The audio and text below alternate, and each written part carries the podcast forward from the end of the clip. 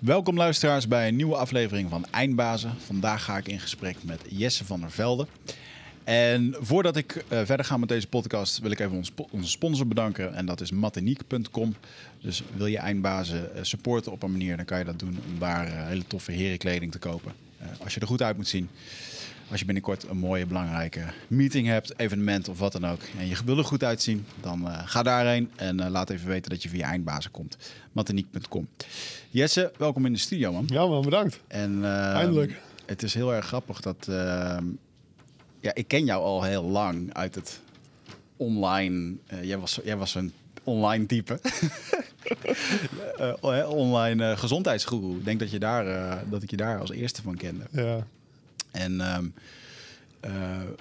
dan moet ik ook bij zeggen dat toen ik jou ging onderzoeken, dat, dat, dat jij ook vaak als omstreden werd, um, werd neergezet. -huh.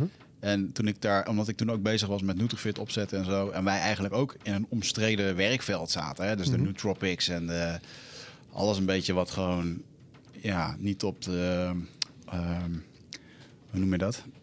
De overheid heeft daar zo'n ding voor, zo'n -hmm. gezondheids... Uh, ja, voedingscentrum. Voedingscentrum, dat soort dingen. Ja, ja, als je daarvan afwijkt, ja. dan... Uh, dat soort hilariteiten. Ja, en uh, toen ik een beetje in de biohacking sferen kwam, kwam jouw naam daar ook regelmatig in voorbij. Mhm. Je was, was wat dat betreft, ben je best wel een pionier dan op gezondheidsgebied ook daarin. Mhm. Hè? Waar is dat vandaan gekomen? Ja, ik denk enorme passie en drive om te leren en om snel te gaan. Ik denk dat ik altijd wel gewoon een intuïtie heb gehad voor wat, wat juist was. En ook altijd gewoon heel erg altijd daarnaar heb geluisterd. Hmm. Uh, het was al in 2005, 2006 dat ik naar Charles Poliquin ging. Wat toen al een van de grootste krachttrainers en bekendste krachttrainers ter wereld was. En echt enorm ver was uh, voor zijn tijd. En ik ging in die tijd ook al naar Tony Robbins. Dus ik was altijd enorm van de mindset en step-up en strong state en dat soort dingen. En gewoon doen en gewoon gaan. En social media was het toen ook nog niet echt. Dus een angst om afgekraakt te worden online of zo, dat, dat leefde helemaal niet in me. Nee. Meer altijd gewoon de drive om gewoon lekker snel te gaan en iets groots neer te zetten en daarbij veel mensen te helpen. En ik had er nooit over nagedacht dat sommige mensen het als omstreden zouden, zou, zouden beschouwen. Hè? Wat, wat misschien ook wel een heerlijke naïviteit was, maar dat brengt je ook gewoon heel ver en dat is ook gewoon heel fijn. Ja. Uh, voor mij was het gewoon altijd echt mijn waarheid. Ik heb nooit dingen te snel gezegd. Ik heb altijd dingen goed onderzocht en ik heb ze altijd eerst gedaan. Ja. Ik heb uh, ook altijd veel cliënten begeleid als personal trainer. Dus ik geloofde er gewoon heel erg in, want ik zag de resultaten ook gewoon bij hun en bij mezelf. Ja. Dus um, toen de eerste mensen grappen gingen maken over hoe belachelijk hormonen zijn en dat soort dingen, was ik eigenlijk heel erg verbaasd. Van ja, hoe kan je dat nou eigenlijk zeggen? Ja. Weet je wel? Ja. Er zijn gewoon artsen die hier een levenswerk al van hebben gemaakt. En zoveel onderzoek. Ja. Ik merkte ook wel dat er een hoop. Uh, er zit een hoop uh, ja, concurrentiegevoel ook wel in die, in die markt. Met, wat, wat me daarin opvalt is dat daar heel veel mensen elkaar in afkraken om, om zichzelf beter te positioneren. Zo. Daar Mm. lijkt het soms wel een beetje op. Ja. Terwijl ik denk, als je nu kijkt naar gezondheid en hoe, hoe interconnected het is met, met spiritualiteit of emoties. En Mhm. Je kan eigenlijk niet zeggen dat iets echt helemaal fout is. Want het is zo'n unicum per persoon. Mhm. Nou, misschien maakte ik daar ook wel de fout dat ik te snel zei dat het. Want je kunt ook niet helemaal zeggen dat iets goed is, dat het klopt. Je weet het ook gewoon nooit zeker. Het is altijd evolutie. We leren altijd meer. Hè? Ja. Dus uh, ik heb natuurlijk ook altijd, eh, wat ik zei, met enorm veel passie verkondigd. En dat altijd verkondigd als de waarheid. Wat denk ik goed is, want daardoor hè, krijg je ook een following. Mensen willen luisteren naar een leider. Ja. Tegelijkertijd weet je het ook gewoon zelf natuurlijk helemaal niet. Ja. dus uh, er zit enorm veel evolutie in dingen. En er zijn best wel een paar dingen die ik vroeger verkondigde, die, uh, die juist waren, die, uh, die, waarvan ik nu het tegenovergestelde zeg. Hè. Bijvoorbeeld dat we tien jaar geleden zeiden we nog, zorg dat je zes maaltijden per dag eet. Nou ja, daar zijn we natuurlijk ondertussen helemaal van afgestapt met intermittent fasting. Ja. Dus er zijn ook wel best wel een paar dingen waar ik, er, uh, waar ik ernaast zat. Ja. Dat mensen elkaar afkraken in deze markt heb ik me altijd enorm over verbaasd. Ik denk dat je heel goed moet afvragen vanuit welke intentie handel je. Ik geloof heel erg dat het niet alleen maar hetgeen is wat je doet, maar de intentie waarmee je het doet maakt enorm het verschil. Als je iets doet met een intentie om de beste te zijn of om gezien te worden, et cetera, ja, dan ga je misschien iemand anders afkraken, zodat je zelf in een beter daglicht komt. Mm. Maar mijn intentie is altijd geweest, ondanks dat ik ook andere dingen te leren had, heel eerlijk, maar mijn intentie is altijd geweest om mensen te helpen. Ja. Dus ik dacht, hoe kan je je, hoe kan je dit nou doen? Eh, We doen dit, als je, jij, jij doet dit toch ook voor een intentie om iemand te helpen met hun gezondheid? Waarom zou je dit nou zo doen? Ja. Ja. Ja. ja, want ondertussen, ehm, toen, was het, toen startte je als, als personal trainer. Mhm. Was je een van de eerste online personal trainers, denk je? Poeh, ik denk het wel. In Amerika waren wel eh, online personal trainers waar ik door geïnspireerd was. Waardoor ik ook e-books ging doen en video's ging maken en dat soort dingen. In Nederland was ik denk ik wel een van de eerste. Ik denk dat het wel terug... Volgens mij was mijn eerste YouTube-video al in 2006 of 2007. Ja. Ik denk wel dat het eh, waarschijnlijk wel de eerste Nederlandstalige YouTube-video was over fitness en gezondheid. Wauw. Ja. Dan hebben we echt eindbaas aan tafel. ondertussen ben je een heel pad aan het bewandelen. Eh, wel leuk om de luisteraars mee te nemen, want je bent ondertussen een succesvol ondernemer. Je hebt een bedrijf Superfoodies. Je richt je op voedingssupplementen. Je hebt je eigen supplementenmerk. Ja, Ehm, en ondertussen ben je het eh, pad van heling op eh, bewandeld. ja. Eh, shamanisme is een van je favoriete hobby's. ja zeker. Plantmedicijnen, dus daar gaan we het vandaag uitgebreid over hebben. Je bent auteur Mhm. van 27 boeken. Waarschijnlijk. Dat is echt gigantisch, man. Maar ja, als je het vanaf 2007 doet, Ja, dan, maar nog steeds een hele mooie prestatie. Ja. Eh, ehm, want eh, de, wat is het beste boek wat je hebt geschreven? Waar ben je bij- meest blij mee? Oeh, er is maar één boek wat ik echt volledig zelf heb geschreven. Ieder woord voor woord. En dat is Spirituele Detox. Daardoor ben ik daar echt enorm trots op. Ja. Het beste boek wat we met elkaar hebben gemaakt... is denk ik wel dit nieuwste boek Immuunplan. Hmm. Ehm, omdat het en goed de diepte heeft, goed de wetenschappelijke research heeft... dat het heel goed uitleg geeft over wat het immuunsysteem nou eigenlijk is. Want het is natuurlijk een heel brede term. Ja. Ehm, en wat, wat ook enorm veel omvat in het lichaam. Ehm onze immuuncellen als ons, darmstelsel, als al die factoren die daarin meewerken. Ehm, dus het geeft goede uitleg ervoor. Het is ook heel goed leesbaar voor mensen. En het geeft ook een heel goed plan. Het geeft gewoon een enorm goed gericht plan waarvan je weet, oké, als ik dit ga doen, dan behaal ik de hoogst mogelijke zekerheid in preventie van ziekte. Ja. En, en, doe ik wat ik kan doen om zo oud mogelijk te worden. Ja. Ja. En, en dat zijn de twee redenen om aan je immuunsysteem te werken. Ja.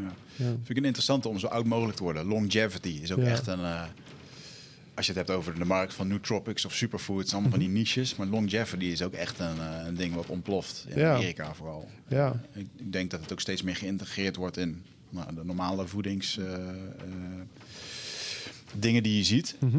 Ehm, wat, ehm, wat doe jij om... eh, geloof jij in longevity en ga jij 120 jaar worden? Ja, zeker. Ik geloof enorm in longevity. Of ik 120 jaar ga worden, dat weet ik natuurlijk helemaal niet zeker. Het kan morgen over zijn en dat, is prima. Ehm, maar eh, wij, ondertussen zeggen wetenschappers, zelfs al een paar jaar geleden, dat de technologie zo snel evolueert, de kennis en de technologie, dat we mensen die nu leven waarschijnlijk al 150 kunnen worden, omdat we gaan ontdekken. In de komende 50 jaar gaan ontdekken wat de factoren zijn die veroudering dusdanig doen vertragen. Ja. En in essentie is veroudering is celdeling. Hè. En in, in de natuur zijn het de dieren die het snelst van, eh, van conceptie naar volwassenheid gaan, die leven het kortst. Hè, immers een eendagsvlieg, hè, conceptie tot, eh, tot volwassenheid, enorm snel proces. En dat komt door hoge celdeling. Ja. Ja. Je kunt hoe oud een, een, een, een zoogdier wordt relateren aan hoe lang hebben ze nodig om volwassen te worden. Mm. Ehm, ehm, wij als mensen echter ehm, hebben misschien ehm, zo'n 18 jaar nodig om volwassen, te worden. Sommige mannen 30 jaar of 40 jaar om volwassen te worden. Hè. Maar wij behalen echter eh, het minst, de laagste multiple van volwassen worden. Dus een hond heeft zeg maar één jaar nodig om volwassen te worden. En die wordt misschien 10 of wordt 12 jaar. Dus die wordt 12 keer de leeftijd dat hij nodig heeft om volwassen te worden. En wij bereiken misschien maar vier keer de leeftijd die we nodig hebben om volwassen te worden. En hoe komt dat? En wanneer we dat weten te beïnvloeden, als we de negatieve invloeden van allereerst onze gedachten, hè, de negatieve invloeden van met wie we ons omringen, de negatieve invloeden van stoffen die we inademen, de negatieve invloeden van dat wat we tot ons nemen en dan vooral de toxiciteit en de belasting, als we dat allemaal drastisch weten te verminderen, dan weten we daardoor het proces van celdeling te vertragen. Ja. Omdat hoe meer celdeling er is, hoe sneller je veroudert. Als ik, ehm, we kennen allemaal in de basis, we hebben allemaal wel eens iemand jarenlang niet gezien, dat we diegene weer tegenkwamen en dat we dachten, jeetje, wat ben jij oud geworden? Toch? En dan kom je er meestal achter dat iemand door een scheiding is gegaan of door, om, in, in, door een periode van een, van een heftige, stressvolle tijd. Dus we weten dat onder andere factoren van stress ons enorm kunnen verouderen. We weten dat als mensen veel roken, dat ze sneller zullen verouderen dan iemand, iemand die dat niet doet. En we weten dat bijvoorbeeld cacao en rode wijn en je omringen met mensen van wie je houdt en een fijn groot sociaal leven enorm grote invloeden zijn op A, de invloed op op ziekte vandaag en ook op hoe oud mensen worden. Want als we de blue zones bestuderen, dan zien we, en dat zijn de gebieden in de, in de wereld waar mensen het oudst worden dan zien we dat het helemaal niet per definitie is wat, we, e- wat ze eten, wat hun het oudst maakt. En wij willen meestal weten wat eten ze en waardoor, hè, waardoor ze zo oud worden.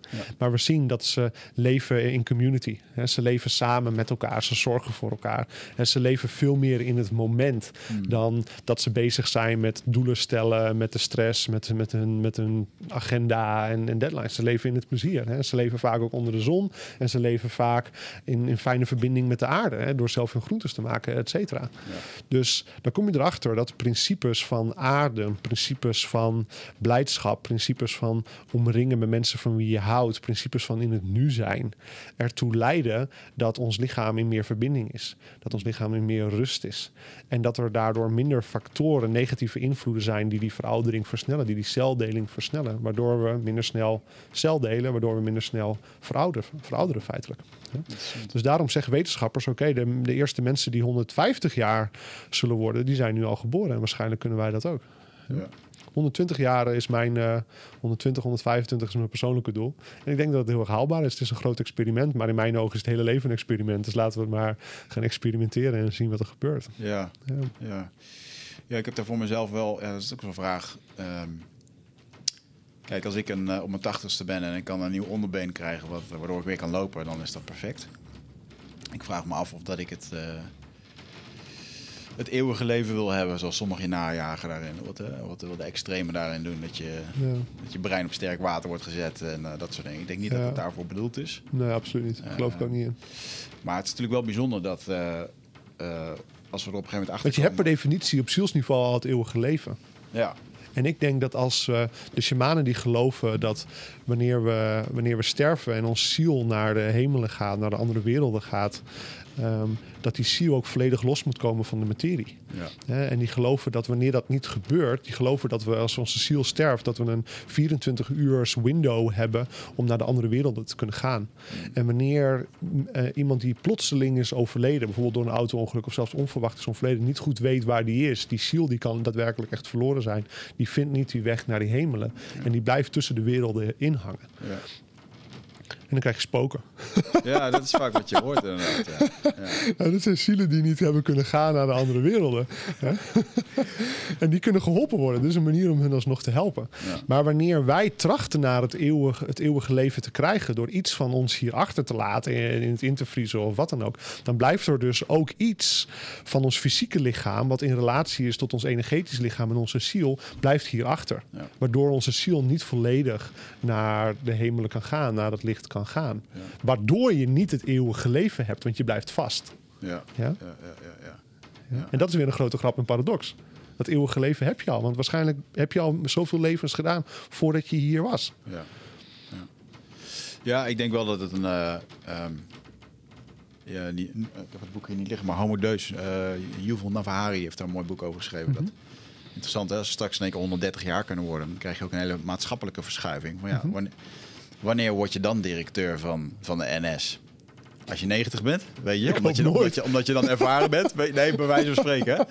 Eh, ik hoop inderdaad ook nooit. Maar, ehm, ehm, maar het is, ja, het is heel grappig. Dan, dan gaat er ook een soort van eh, sociaal beeld gaat dan ook veranderen. Gaan, gaan die mensen dan in één keer 60 jaar lang een pensioen krijgen? Daar is helemaal geen geld voor. Weet Nee, dat soort, Ja. dat soort dingen ga je bij, bij heel mee te maken Ja, krijgen. in het huidige systeem natuurlijk niet. Nee. Maar als wij met elkaar gaan nadenken over wat is het duurzame systeem van hier met elkaar op aarde gaan leven, dan is dat mogelijk. Als we constructief die vragen gaan stellen, dan gaan we daar antwoorden op vinden. Ja. Hè, bekende phrase is natuurlijk dat als je van ze zeiden dat Einstein dit zei, als je 30 minuten hebt om een probleem op te lossen, besteed 20 minuten aan het vinden van de juiste vraag. Want als je de juiste vraag ergens over stelt, dan doet het antwoord zich automatisch voor. Ja. En dat is ook de, heel erg de cultuur die ik in ons bedrijf probeer te brengen. Namelijk dat als we het antwoord niet hebben, dan hebben we de juiste vraag nog niet weten te vinden. Hmm. Dan hebben we nog niet goed afgevraagd, wat is het probleem nou eigenlijk echt? En wat is dan het probleem achter dat probleem? En als je dat bijvoorbeeld relateert aan een bedrijf, dan kan je zeggen, nou, het probleem in het bedrijf is dat we te weinig sales hebben. Oké, wat is het probleem daarachter? Waarom hebben we te weinig sales? Is dat omdat we te weinig lead generatie hebben? Is dat omdat die leads of die bezoekers niet converteren tot klant?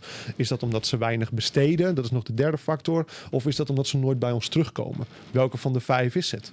Oké, ze converteren niet goed. Dan is de vraag daar weer achter. Waarom converteren ze niet goed? Ja, omdat, eh, omdat onze site dit mist, dat mist, dat mist, dat mist. Oké, waarom missen die factoren? Waarom hebben we dat nog niet gedaan? Ja, hebben we geen tijd voor. Oké, dus het echte probleem is dat we die doelen niet hebben geformuleerd, dat we de organisatie er niet achter hebben en, en dat het dus niet wordt uitgevoerd. Ja. Oké, dus nu weten we dat dit het plan is dat we moeten gaan zeggen en gaan, gaan uitvoeren in plaats van meer sales. Ja.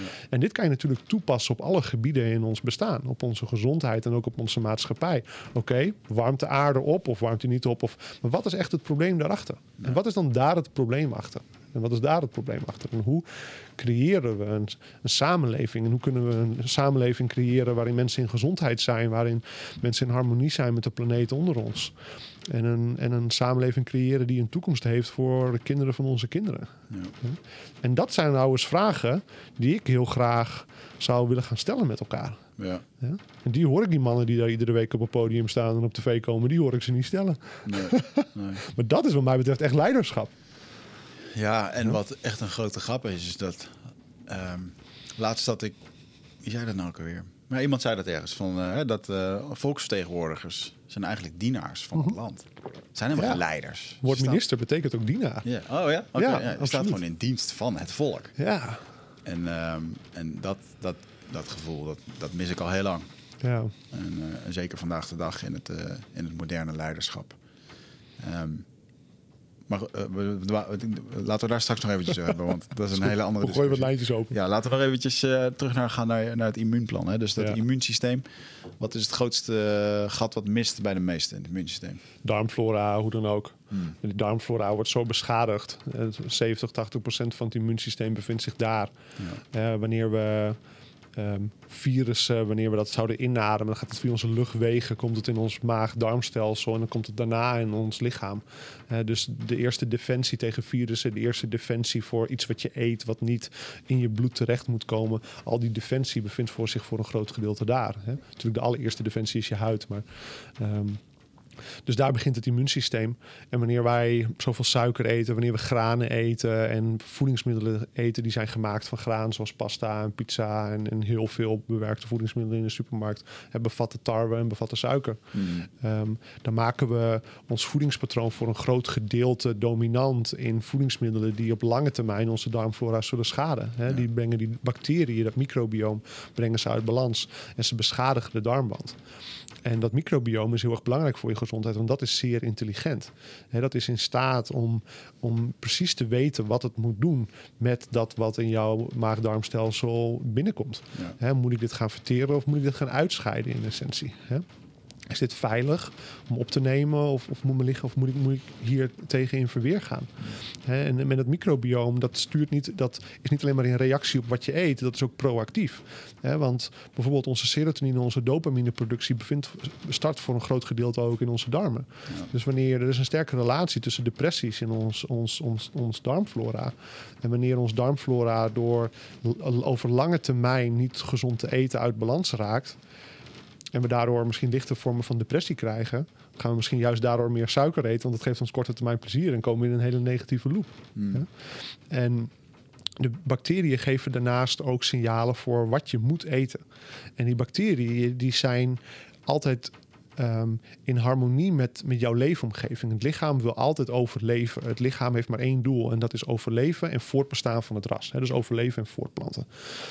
En uiteindelijk is dus het primaire doel is voortbestaan van het ras.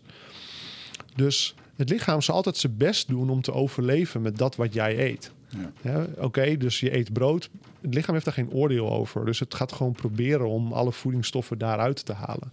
Maar als we 10, 20 jaar dat ons voedingspatroon is, dan zal onze darmflora, die, zal, die gaat zich heel snel vormen op basis van wat wij eten. En raakt, raakt onze darmflora uit balans, omdat meer wat wij noemen de slechte bacteriën meer dominant raken, meer aanwezig raken op basis van wat wij eten. Hmm. En, gaat en die bacteriën geven signalen van: geef me meer brood. Ja. Ja? Ja, het- er is een relatie en een communicatie van de darmflora naar de hersenen. Dus wanneer wij een patroon willen gaan doorbreken in onze gezondheid, dan, en wanneer we langer willen leven en betere gezondheid willen, dan is het eerste wat we moeten doen in ons richten op de darmflora en zorgen, oké, hoe brengen we die bacteriën daar in balans? Ja. En dat doen we door veel vezels te eten uit groenten. En dat doen we door gefermenteerd te eten. Hè? Gefermenteerde groenten zoals een echte zuurkool of kefir en kombucha of kimchi. Want die bacteriën, het zijn en de vezels die we nodig hebben voor onze darmflora en de bacteriën die helpen die cultuur en dat hele organisme binnen die darmen te helpen herstellen. Hmm. Feitelijk moeten we de intelligentie die daarin leeft gaan herinformeren. Ja. Ah, ja. Dus een van de basisprincipes van je gezondheid zijn je darmflora. Een van de basisprincipes van de darmflora is: het is altijd in reactie op wat jij eet en hoe je leeft. Ja. Ja?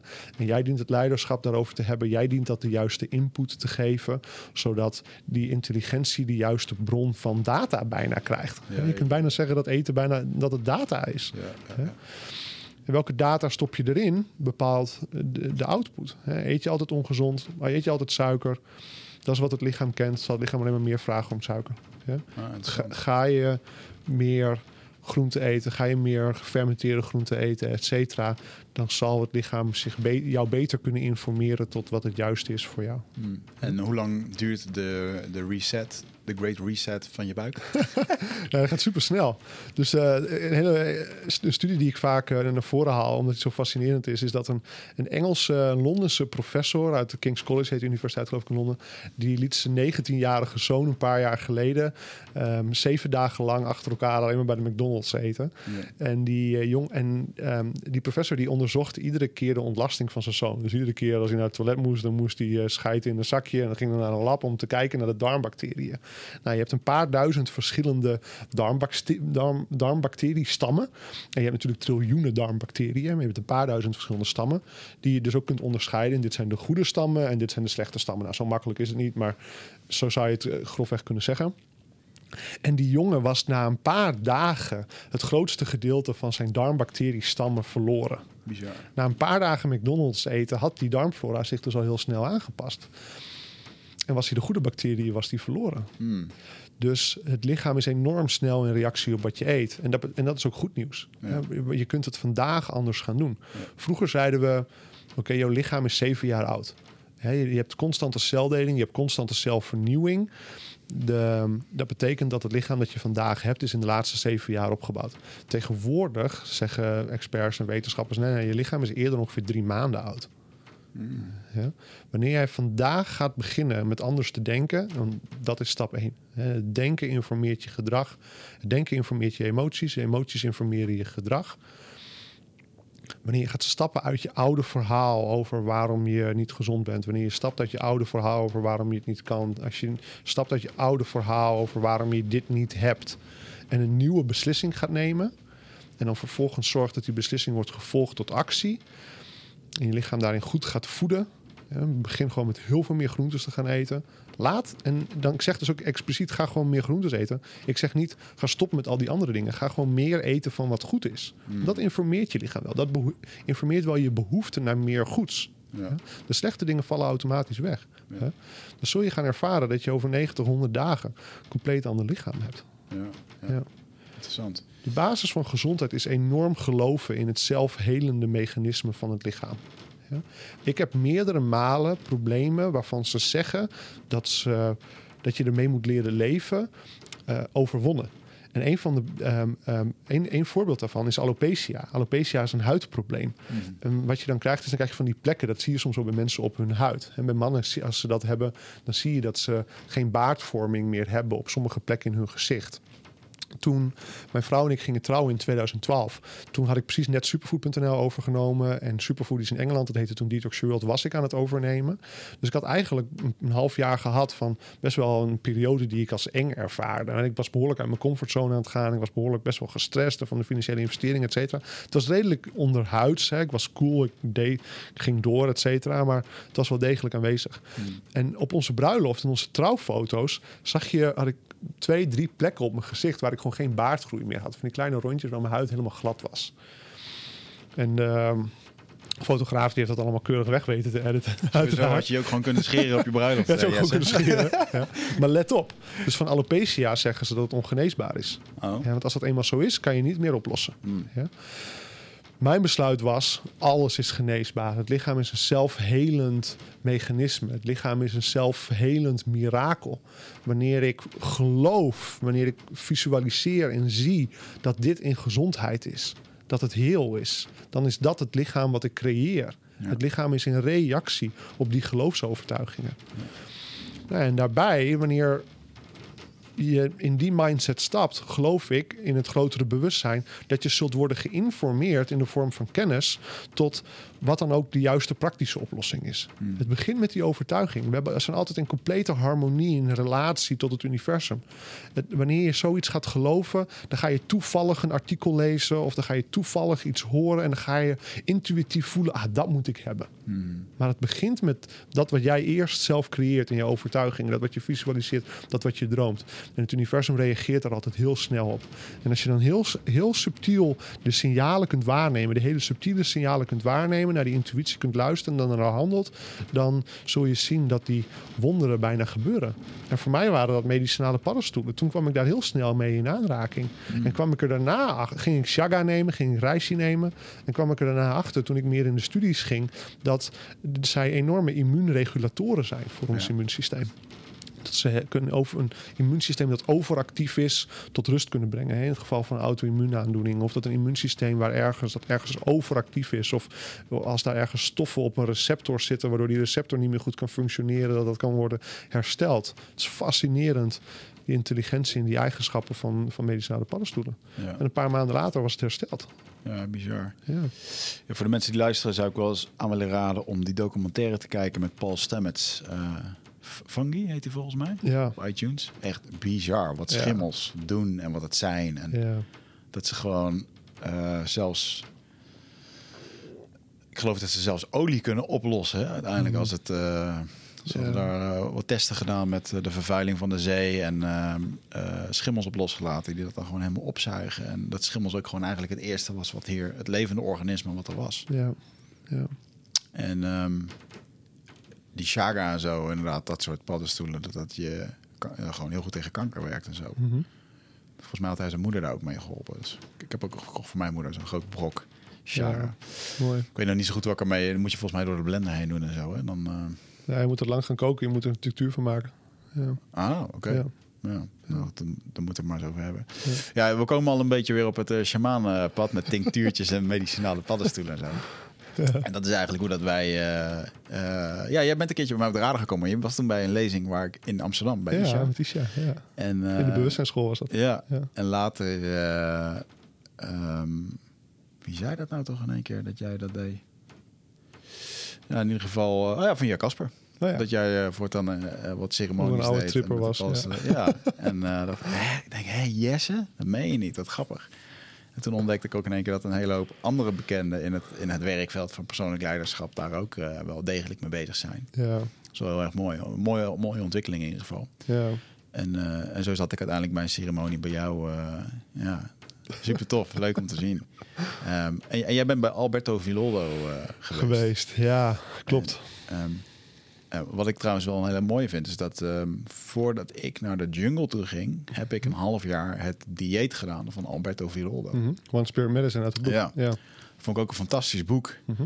ehm, waarin hij gewoon heel goed onderlegde dat hij als wetenschapper op pad werd gestuurd om, om het stofje tegen kanker te vinden. En dat Ja. hij terugkwam. En dat hij gewoon iedere keer moest zeggen, ja, het is gewoon leefstijl. Weet je? Het is Mhm. niet één ding. Nee. Een hele mooie, nuchtere kijk op wat, die, eh, ja, wat eigenlijk het medicijn is. En, Ja. Ja, jij bent, jij bent eh, ondergedompeld in zijn, eh, Ja. wereld. Ja. wereld, ja. Dus Ja. eh, zou je daar eens wat over vertellen? Wat, Nou wat voor mij was het sowieso op, grotere schaal een enorm logisch vervolg van fysieke gezondheid te vervolgen naar emotionele en spirituele gezondheid. was natuurlijk een enorm logisch pad. Voor mij persoonlijk ook. Omdat ehm, ik denk aardig eh, meesterschap over mijn fysieke gezondheid had bereikt, maar ik enorm veel nog te helen had. En op een gegeven moment komen we dat tegen in ons leven. Hè? Mhm. De dingen die we verstoppen, de trauma's die we leven, het verdriet dat we leven, of de boosheid die we leven, of de, de oude pijn uit ons verleden van niet gezien worden of wat dan ook. Ehm, wat dat dan ook voor ons persoonlijk is. Dat leven we of uit hè, door iets te zoeken. Hè, door, ik leefde dat uit achteraf door succesvol te willen zijn. Hè. Mm. Jarenlang was ik alleen en een outsider en werd ik gepest op school. Ehm, om daarna te gaan besluiten, jongens, ik zal jullie allemaal wel eens laten zien wie ik ben. Ja. Ja, als gevolg van me zo alleen gevoeld te hebben en niet gezien gevoeld te hebben, besloot ik, ja jongens, wacht maar, over een paar jaar dan heb ik een dikke Porsche en dan steek ik mijn middelvinger naar jullie op. En dat werd mijn grootste drijfveer, hè, intrinsiek. En, en nogmaals, gelukkig werd het enorm gecombineerd altijd met mensen te willen helpen voor hun gezondheid. Dat was enorm constructief, maar diep van binnen wilde ik ook gewoon succesvol zijn en wilde ik me laten zien. Ehm, en dat is natuurlijk een negatief patroon. En ik denk dat we allemaal vroeg of laat in ons leven eh, erachter komen, ja, dit moet anders. Hè? Ja. Of we komen op onze veertigste in een midlife crisis en dan kopen we een Harley en dan zoeken we een andere vrouw of een andere man. Ehm, of we keren naar binnen. Ja. En, eh, en ik heb het geluk gehad dat een, een goede vriend van me, die nam me mee de bossen in, hier in Nederland weliswaar, naar eh, Willem Wout, die toen al zo'n 30 jaar lang ceremonies gaf. Hè? 30 jaar lang uh, ceremonies gaf en ceremonies met paddenstoelen. Ehm, en ik wist niet zo goed wat we gingen doen dat weekend. Eh, Ik werd uitgenodigd en op de uitnodiging stond: eh, neem handdoeken mee, neem water mee, neem eten mee, neem een slaapzak mee. Dus ik reageerde: oké, eh, als ik het goed begrijp, dan wordt het nat, wordt het koud, dan krijgen we niks te eten. En eh, ik had verder helemaal geen idee wat we gingen doen. En s ochtends gingen we zweten te doen, wat ik een enorm mooie ceremonie al vond. En wat me echt al enorm veel bracht. En Willem Wout zat zo voor die, voor die zelfs al een beetje te praten. En zei hij al van nou, vanavond gaan we in het medicijn. En ik, ik had helemaal geen idee nog waar die man het over had, letterlijk. En gedurende de dag begon ik een beetje erachter te komen wat we gingen doen. Toen werd je zenuwachtig. En toen dacht ik echt, gaan we hier nou een beetje met elkaar drugs lopen gebruiken in de tipi, dacht ik. Is dit een of andere vage secte? Ik had er een heel naar gevoel bij in de eerste instantie. Maar ik leefde ook al jarenlang met de overtuiging: het universum maakt geen fouten. De belangrijkste wet van het universum is die van synchroniciteit, is van samenkomst van omstandigheden. En het universum maakt geen fouten. Het, gebeurt, het leven gebeurt voor jou, niet tegen je. Dingen worden aangereikt. En je kunt er ja tegen zeggen en nee tegen zeggen. Maar ik geloof in vertrouwen hebben in het grotere geheel. En, eh, dus ik besloot om vertrouwen te hebben. En dat was achteraf heel erg mooi. Ik, voordat ik het de eerste keer medicijnen ging, want we gingen toen een paddenstoelenceremonie doen. Golden Teacher paddenstoelen, van de spirituele paddenstoelen. Ehm, besloot ik onbewust om het medicijn dus echt te vertrouwen. En had ik een enorm mooie reis. Hè. La, jij weet natuurlijk ook hoe belangrijk dat is om een plantmedicijn echt te vertrouwen. Want als je controle probeert te houden, hè, als je. ehm, ja, dus zo, als je controle probeert te houden in een plantmedicijnceremonie, dan ga je het verliezen. Dan ga je in gevecht en dan wordt, het, een, eh, wordt het een zware strijd. En de les is altijd die van overgave, die van loslaten. Hè, van in die flow komen en het medicijn vertrouwen. Dus dat deed ik, weliswaar onbewust. En toen had ik een prachtige mooie eh, eerste ceremonie. Het, het medicijn liet me zien waarom mijn horloge stil was gaan staan. Een paar maanden daarvoor was, was mijn horloge stil gaan staan. En ik was aardig gefrustreerd dat mijn horloge stil stond. Het verhaal van het horloge is dat ik op vrijdagavond naar huis reed in die Porsche die ik ondertussen had. En dat mijn horloge niet meer deed. En ik was gefrustreerd dat hij het niet meer deed. En ik belde op vrijdagavond naar de medewerkster van de Breitling-winkel in Londen.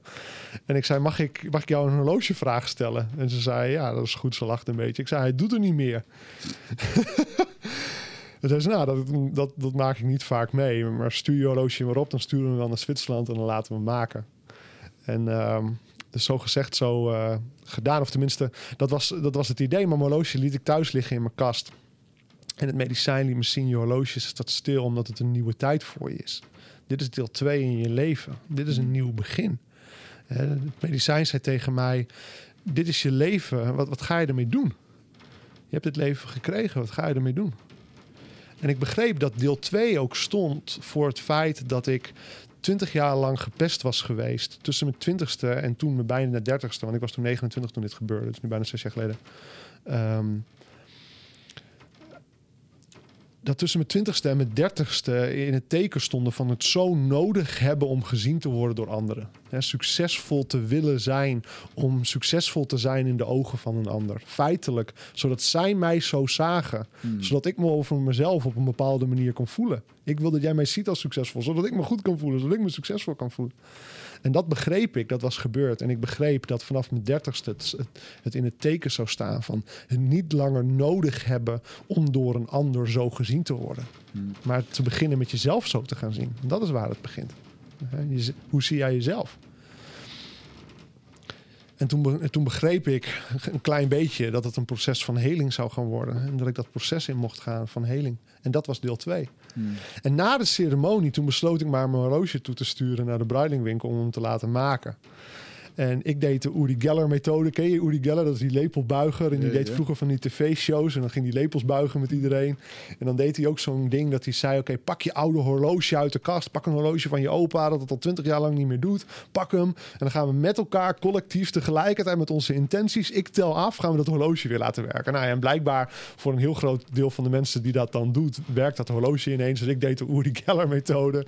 En ik draaide het mechanisme om te kijken of het horloge deed. Niks deed het. Dus ik stuurde met DHL verzekerd naar Londen om dat horloge te laten maken. Ze belt me de volgende dag op en ze zegt: Hey, yes, ik heb je horloge ontvangen. Maar wat was er nou eigenlijk mis mee? zei ze. Ze zei: Ik heb hem hier op de chronometerapparatuur gelegd, gekeken of die gebalanceerd was. Hij is perfect gebalanceerd, er is niks mis met je horloge. Maar we sturen hem wel naar Zwitserland.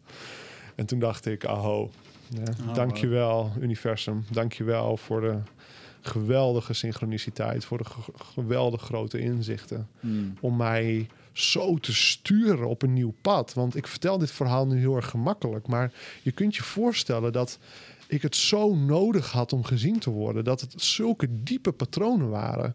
En dat er enorm veel angst ook in mij speelde om dat los te laten.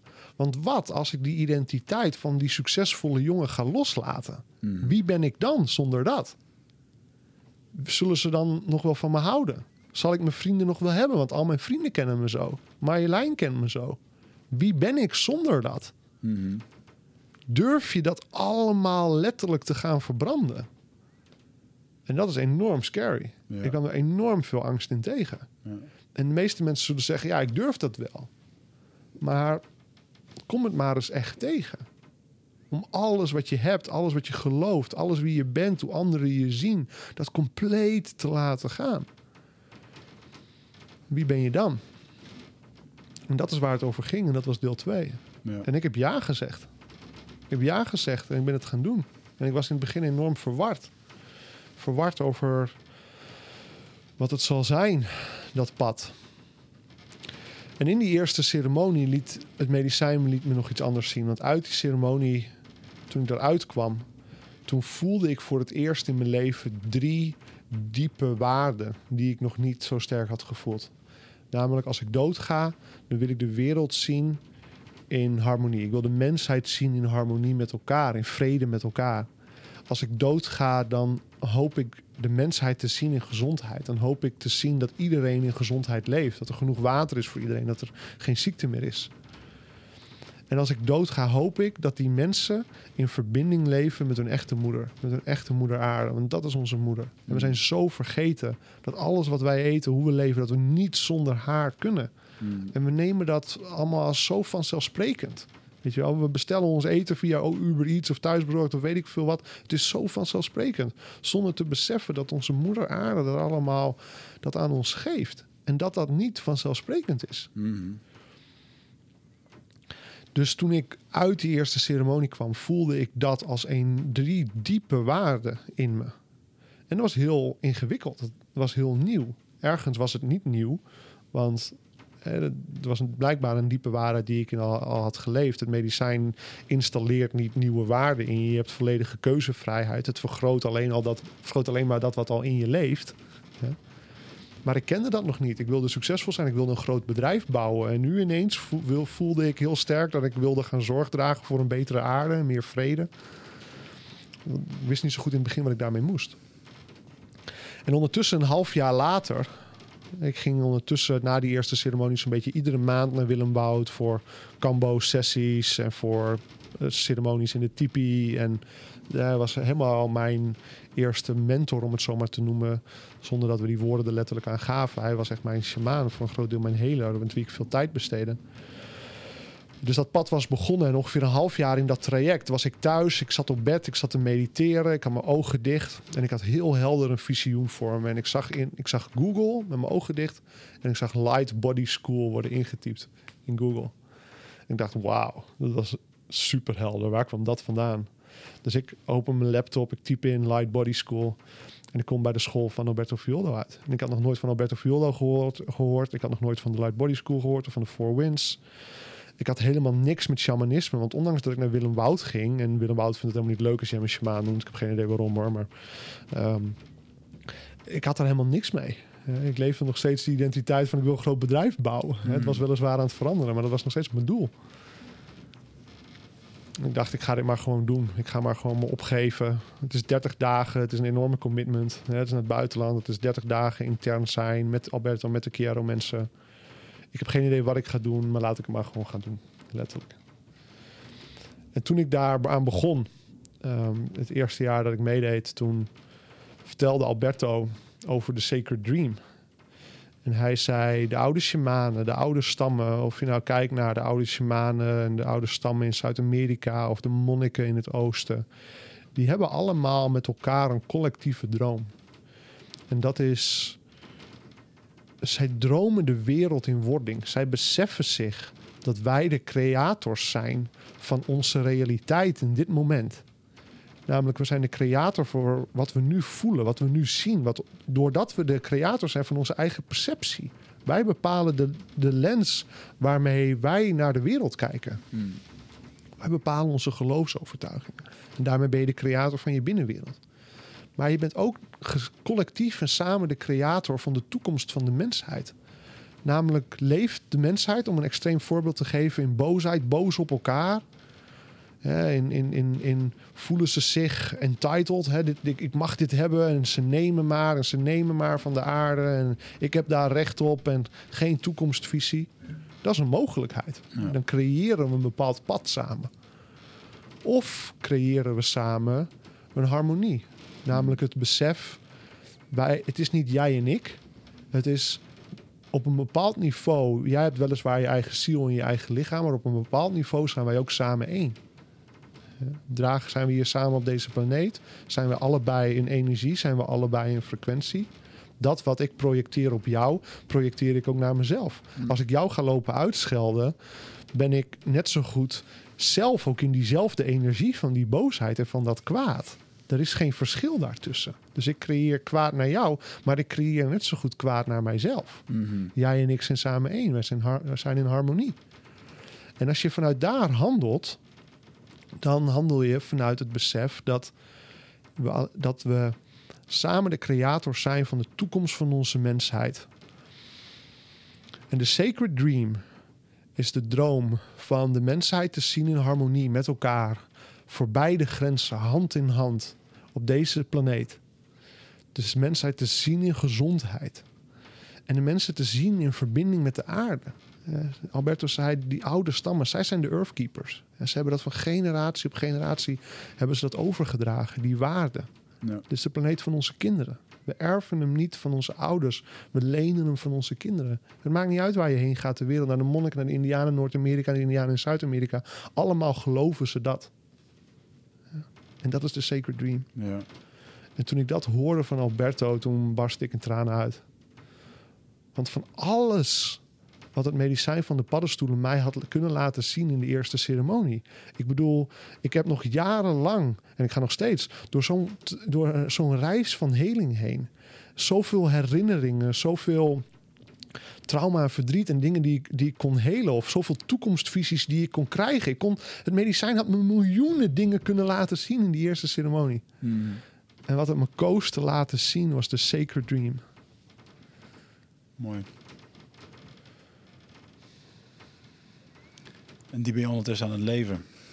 tenminste, je bent er aan bijdragen. En, We leven hem allemaal. ja. En we leven hem allemaal op onze eigen manier. En, en ik denk dat het, je, je hoeft niks. Je bent volledig keuzevrij in wat je gelooft en, in, en dus in hoe je denkt en in hoe je handelt. Ehm, maar ik hoop dat we dat met elkaar kunnen doen vanuit die harmonie. Hmm. Dat we dat kunnen doen vanuit echt leiderschap. Dat we dat kunnen doen vanuit liefde in ons hart. Want dat is wat het meest natuurlijk tot ons komt. ja. En Nelson Mandela zei: mensen worden, worden niet geboren met haat. Mensen leren te haten. Mensen worden geboren in liefde. Hmm. Ze vergeten dat alleen soms. Ja, en wat ik wel een interessante vind is dat ehm, bij Alberto staan plantmedicijnen niet op de eerste plek. Helemaal niet zelfs. Mhm. Die heeft het, hij praat over spirit medicine. Ja, En feitelijk dat alles, alles het medicijn is. ja. Zou je dat eens wat willen toelichten? Omdat, dat, omdat ik van mening ben dat eh, plantmedicijnen zijn niet voor iedereen. kan een mooie uitstap zijn. Mhm. Of een vervolgstap. Uh, maar ik denk dat de, de basis van het shamanisme daarin echt heel mooi terugkomt. ja. Nou ja, dus plantmedicijnen zijn in essentie alleen maar een vergroter van iets wat er al leeft. Eén. Dus als er in mij, om dat voorbeeld te geven van bijvoorbeeld boosheid, ik ben boos naar diegene die mij dat heeft aangedaan in het verleden, bijvoorbeeld. Hè, maar ik denk er niet meer over na. Ik zeg heel stoer, dat is het verleden, ik- weet je wel, ik ben daar voorbij, et cetera. De dingen die je mensen meestal hoort zeggen. Hè. Maar wanneer dat nog in ons leeft, dan informeert het ons nog. En een plantmedicijn, om dit als voorbeeld te geven, die vergroot in je, die vergroot, en je neemt dat tot je, die vergroot wat in je leeft. Dus tijdens de ceremonie kunnen we misschien die boosheid, of wat het dan ook is, komen we ineens tegen. En dan leren we een ander perspectief te krijgen. Dan leren we er naar anders naar te gaan kijken. Het plantmedicijn laat ons misschien die emoties op dat moment voelen. Dan beseffen we ons, jeetje, leeft dit nog in mij? Voel ik me nog zo boos? Of voel ik me nog zo verdrietig? Of voel ik me nog zo schuldig? Of voel ik dit nog? Ja, blijkbaar voel ik dit nog. Dat is dan onze reis. Ja. En dan geeft het medicijn onze gelegenheid. Nou, hoe wil je hier nou eigenlijk echt naar kijken? En leert het ons ernaar te kijken vanuit liefde. Leert het ons ernaar te kijken vanuit vergeving. En geeft het in essentie ons een ander perspectief. Voelen we ons ineens door, door bevrijd? Kunnen we ineens in plaats van boosheid of schuld... kunnen we die vergeving voelen? Vergeving van een ander of vergeving van onszelf. En dan zijn we er ineens van bevrijd. Voelen we ons er heel veel vrijer over. Hè? Net als dat je je vrijer voelt nadat je een heel goed gesprek met iemand hebt gehad... en je hebt letterlijk je hart gelucht. Ja. Ja? Dus wat is heling daarmee in essentie? Het is het vinden van een nieuw perspectief. Alle heling is het vinden van een nieuw perspectief. Het plantmedicijn vergroot het alleen maar, zodat het proces enorm versnelt. Maar het is een, het vinden van een nieuw perspectief. Dat brengt jou de heling. Niet per se het plantmedicijn. Nee. Het is de weg ernaartoe. Nou, Dus dat is, dat is het eerste wat het plantmedicijn doet. Het tweede wat het plantmedicijn doet, is het geeft je een bril op om iets te kunnen waarnemen wat er altijd is, maar wat je in deze toestand niet kunt waarnemen. Ja?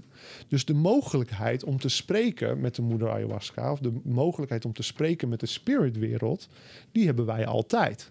Ja. Het vermogen om dat heel helder te kunnen, wordt door het en dankzij het plantmedicijn ineens heel veel sterker. Wanneer we een paddenstoel nemen of we drinken ayahuasca, dan krijgen we een bril op. Dan kunnen we ineens al die kleuren zien. Dan kunnen we dingen waarnemen. Dan kunnen we de toekomst helderder zien of het verleden helderder zien. Dan krijgen we visioenen. Maar het is niet dat dat er nooit was. Als je dat verleden ineens weer ziet, het is niet dat het er nooit was. Het is dat jij achter je computer zit of Netflix aan het kijken bent, of weet ik veel wat je allemaal aan het doen bent. En je neemt er geen gelegenheid voor om je ogen dicht te doen en er echt naar te kijken. Ja. Je neemt geen gelegenheid om je ogen dicht te doen en naar het verleden te kijken en het te helen. Of je neemt geen gelegenheid om je ogen dicht te doen en te gaan voelen wat droom ik echt voor mijzelf. Wat is het leven wat ik wil en wat ik wil gaan creëren. Je neemt die tijd er niet echt voor. Nee. Dus, en nu zeg ik heel veel tegelijkertijd. Want het is zowel dat we kunnen waarnemen het verleden. We kunnen het kunnen waarnemen van de toekomst. Het kunnen waarnemen van onze eigen gevoelens. Het kunnen waarnemen van een mogelijke tijdlijn die wij vanuit dit moment nu aan het creëren zijn in de toekomst. Het kunnen waarnemen van bronnen van informatie. Want alle informatie is in het morfogenetisch veld beschikbaar. Hè? Of het contact kunnen leggen met de spiritwereld die er altijd is. Die spirits die zijn er altijd en uiteindelijk brengen zij de heling. Dus het plantmedicijn is het, geeft een nieuw pers- perspectief. En alle heling is het vinden van een nieuw perspectief. Het is het kunnen waarnemen van iets wat er altijd is, maar wat je meestal niet kunt waarnemen. Iets wat ik heel vaak hoor na ceremonies, als we napraten, is dat mensen zeggen: Oh, ik heb door de ceremonie weer echt gevoeld hoe krachtig mijn intenties zijn. Hè, dat alles, al mijn intenties werkelijkheid worden vanuit dat wat ik geloof en wat, wat ik in mij leef. En dan zeg ik tegen ze: Ja, dat is altijd zo. Het medicijn laat je nu voelen maar dat jij zo'n sterke creator bent. Ja. Maar dat ben je altijd. Je bent niet een sterkere creator als je het medicijn hebt gedronken. Je kunt het alleen beter waarnemen dat je die creator bent. Maar je bent hem iedere dag. Ik zou je een heel simpel voorbeeld hier ook van geven. Dan komen we weer terug naar het plantmedicijn. Klein, klein, klein uitstapje. Een paar weken geleden werd Clubhouse ineens vet populair, toch? En ik dacht, cool ding dit Clubhouse, weet je wel. Ik ga hier echt wat van maken. Ik ga hier, ik ga hier lekker mee beginnen. Ik vind het cool. Ik wil dit soort rooms doen en ik wil hiermee aan de slag een intentie die ik uitsprak. In de eerste week dat ik op Clubhouse zat, misschien was het de eerste twee weken, kreeg ik vier, vijf verschillende uitnodigingen om bij die club te komen, die room. Ging ik een room in en zei iemand: Hey, Jess van der Velde komt binnen en die maakte me speaker en we waren in gesprek. Er gebeurde van alles in die eerste twee weken. Nou ja, na vier, vijf keer dacht ik: Oké, whatever, weet je wel. Ik vind het wel leuk, maar ik hoef je nou echt niet, ook niet per se een ding van te doen, van te maken. Ik heb wel andere dingen te doen. En creëerde ik een nieuwe intentie vanuit die gedachte. Hmm. En vanaf dat moment nul. Geen enkele uitnodiging meer. Als ik in een room binnenkwam, er gebeurde helemaal niks. Nee. Het universum is in directe respons op wat wij leven. En dat is hoe we het moeten gaan zien. Ja. Wat jij gelooft vormt zich om jou heen. Want het vormt zich vanuit de gedachten die in je ontstaan. Het vormt zich vanuit de ontmoetingen die je krijgt. Het vormt zich vanuit het deel in je hersenen dat alert wordt voor iets te zien. Allemaal weten we dat als we net een nieuwe auto hebben gekocht, dat we die auto ineens overal zien rijden. Ja, want dat deel van je hersenen dat is daarop gefocust. Daarvoor reden ze er ook al, maar nu herken je ze beter. Dus al die factoren samen betekenen dat je die werkelijkheid creëert vanuit jouw intentie. Hm? Dus het plantmedicijn maakt ons bewuster van dat wat er altijd is maar wat we anders minder goed kunnen waarnemen. En tot slot is het plantmedicijn is toestemming aan de spiritwereld om jou te helen. Nou, in jouw boek heb je uitgebreid beschreven hè, wat jouw contact met moeder ayahuasca was. Hè, en de heling die kwam en de gesprekken die je had. Maar het plantmedicijn is feitelijk een toestemming. Ja, planten. Ja, moeder ayahuasca. Heel mij. En vervolgens in vorm van spirit, in de vorm van energie, brengen zij heling. Omdat zij zijn energie. Zij zijn ontastbare materie, maar ze zijn wel intelligentie. Ze zijn licht, ze bestaan. Hmm. Ja? En jij bent dat ook. Want je bent, en hier komen we, gaan we het hebben over energy healing. Want we zijn een fysiek lichaam van vlees en bloed, wat we kunnen aanraken. We zijn als tweede een lichaam van emoties, wat we kunnen voelen. Nou, dit is allemaal nog heel erg tastbaar. Dan als derde zijn we een ziel. Nou, ondertussen heeft wetenschap ook bewezen dat wanneer we doodgaan, dat iets ons lichaam verlaat. Hmm. Toen ik jong was, hè, en dat klinkt nu al heel, heel, eh, heel oud, maar vroeger, ik kan me herinneren van begin jaren negentig, want ik was blijkbaar met dit soort dingen al bezig. Ik kan me herinneren dat toen de algemene idee was dat wij alleen waren in het universum. Toch? Hè, dat kan je misschien van vroeger ook herinneren. En dat er, de wetenschappelijk hadden we niet een ziel. Nee. Ondertussen ben ik erachter gekomen dat binnen astrologie en binnen die wetenschappen is het, is het paradigma helemaal veranderd naar we zijn echt niet de enige in het universum. We kunnen het nog niet bewijzen, we hebben het misschien nog niet gezien, maar statistisch, et cetera, is de kans erg groot dat we hier niet alleen zijn. Ja? En hebben we heeft wetenschap aangenomen, ja, er is meer dan ons lichaam van vlees en bloed. We weten nog niet wat het is, maar er is een ziel. Hmm. Ja? Dus we hebben een ziel die voor, voorbij levens reist als derde. En we hebben een lichaam van energie. We hebben een energieveld. Sommigen noemen dat een aura. Sommige mensen kunnen het zien. We hebben een energieveld ehm, wat we bij ons dragen. En voor de Quiero-shamanen is het energieveld leidend. Want het energieveld informeert onze emoties. Het energieveld informeert ons fysieke lichaam. En het informeert zelfs on- de activatie en de deactivatie van genen, epigenetica. Zit jij eh, vaak in je hoofd? Eh, neem je heel veel informatie tot je video's, podcast, boeken? Eh, nou, voel je niet schuldig, dat doen heel veel mensen natuurlijk. Hè, maar vaak zijn we op zoek naar antwoorden. Ehm, gaan we nog meer informatie tot ons nemen, terwijl ja, de antwoorden liggen toch echt in onszelf. En dat is iets wat we voelen met ons lichaam. Maar vaak zijn we zo erg in ons hoofd bezig ja, dat we dat ook niet meer, dat we daar niet meer echt goed bij kunnen. En dat is graag waar ik je voor uit wil nodigen. Voor Ride of Passage. 24, 25 en 26 mei is er weer een nieuwe editie. Voor mijn retreat voor persoonlijke ontwikkeling. Waarbij het thema echt is om uit het hoofd te komen in dat lichaam. Want dat is waar je alles ervaart. En ik wil dat je gewoon weer in contact komt met, met die, die intuïtie. Ehm, en dan gewoon een heel sterk uh, innerlijk kompas. Dat je gewoon weer weet waar je naartoe moet, wat je te doen staat. En dat je gewoon weer helderheid hebt over wat je wilt en hoe dat je dat gaat doen. En dat doen we middels uh, bio-energetische oefeningen, dynamische meditaties, een stuk shamanisme zit erin. Het enige wat er bekend is van het programma is dat er een zweethut in zit. Uh, en natuurlijk gewoon hands-on persoonlijk leiderschap. Uh, dit retreat krijgt een 9,2 gemiddelde van meer dan 331 deelnemers. Daar ben ik ontzettend trots op. Sterker nog, er is ook een money back guarantee. Vind je niks na drie dagen, krijg je gewoon je geld terug. Dus het enige risico dat je loopt, is dat je gelukkiger wordt. Klinkt dit als iets voor jou en durf je het aan? Dan zie ik je op Ride of Passage. Ga naar wichertmeerman.nl en klik op Retreat. Zij zeggen dat Alberto geeft, maakt altijd de grap: als ik in de jungle ben, of ik ben waar dan ook en ik word gebeten door een slang, breng me dan alsjeblieft eerst naar de eerste hulp hè, om mijn leven te redden. En breng me daarna naar de shamaan om te vragen waarom die slang mij überhaupt heeft gebeten. Hmm. Ja? Omdat dat wat gebeurt is blijkbaar een werkelijkheid die jij leeft. Ga er maar eens over nadenken als je dit nu luistert. Ik zal je een ander voorbeeld geven. Toen ik net mijn rijbewijs had, was ik enorm bang om een ongeluk te maken. Ja? En ik was met Marjolein op pad. We waren toen ook al samen. En we waren een weekendje weg. Ik geloof naar Haarlem. En ik was een beetje gek aan het rijden. En ik zat helemaal niet prettig ook in die auto. Alsof ik een beetje zenuwachtig was. En het stoplicht ging op groen. Auto's trokken op. En een auto voor mij, die ging ineens weer boven op de remmen. Die wilde een rare U-turn maken, wat helemaal niet mocht. Whatever, maakt niet uit.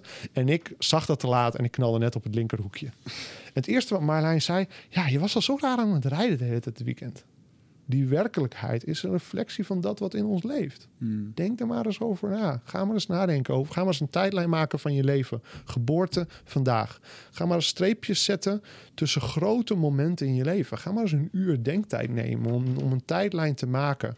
En na te denken, wat waren de grote keerpunten in je leven? Een moment van verlies, van overlijden van iemand. Een, groot moment van verandering in jouw leven. Een nieuwe baan, een nieuwe relatie. Misschien ziekte, misschien heling. En nogmaals overlijden van iemand anders. Wat waren de grote keerpunten?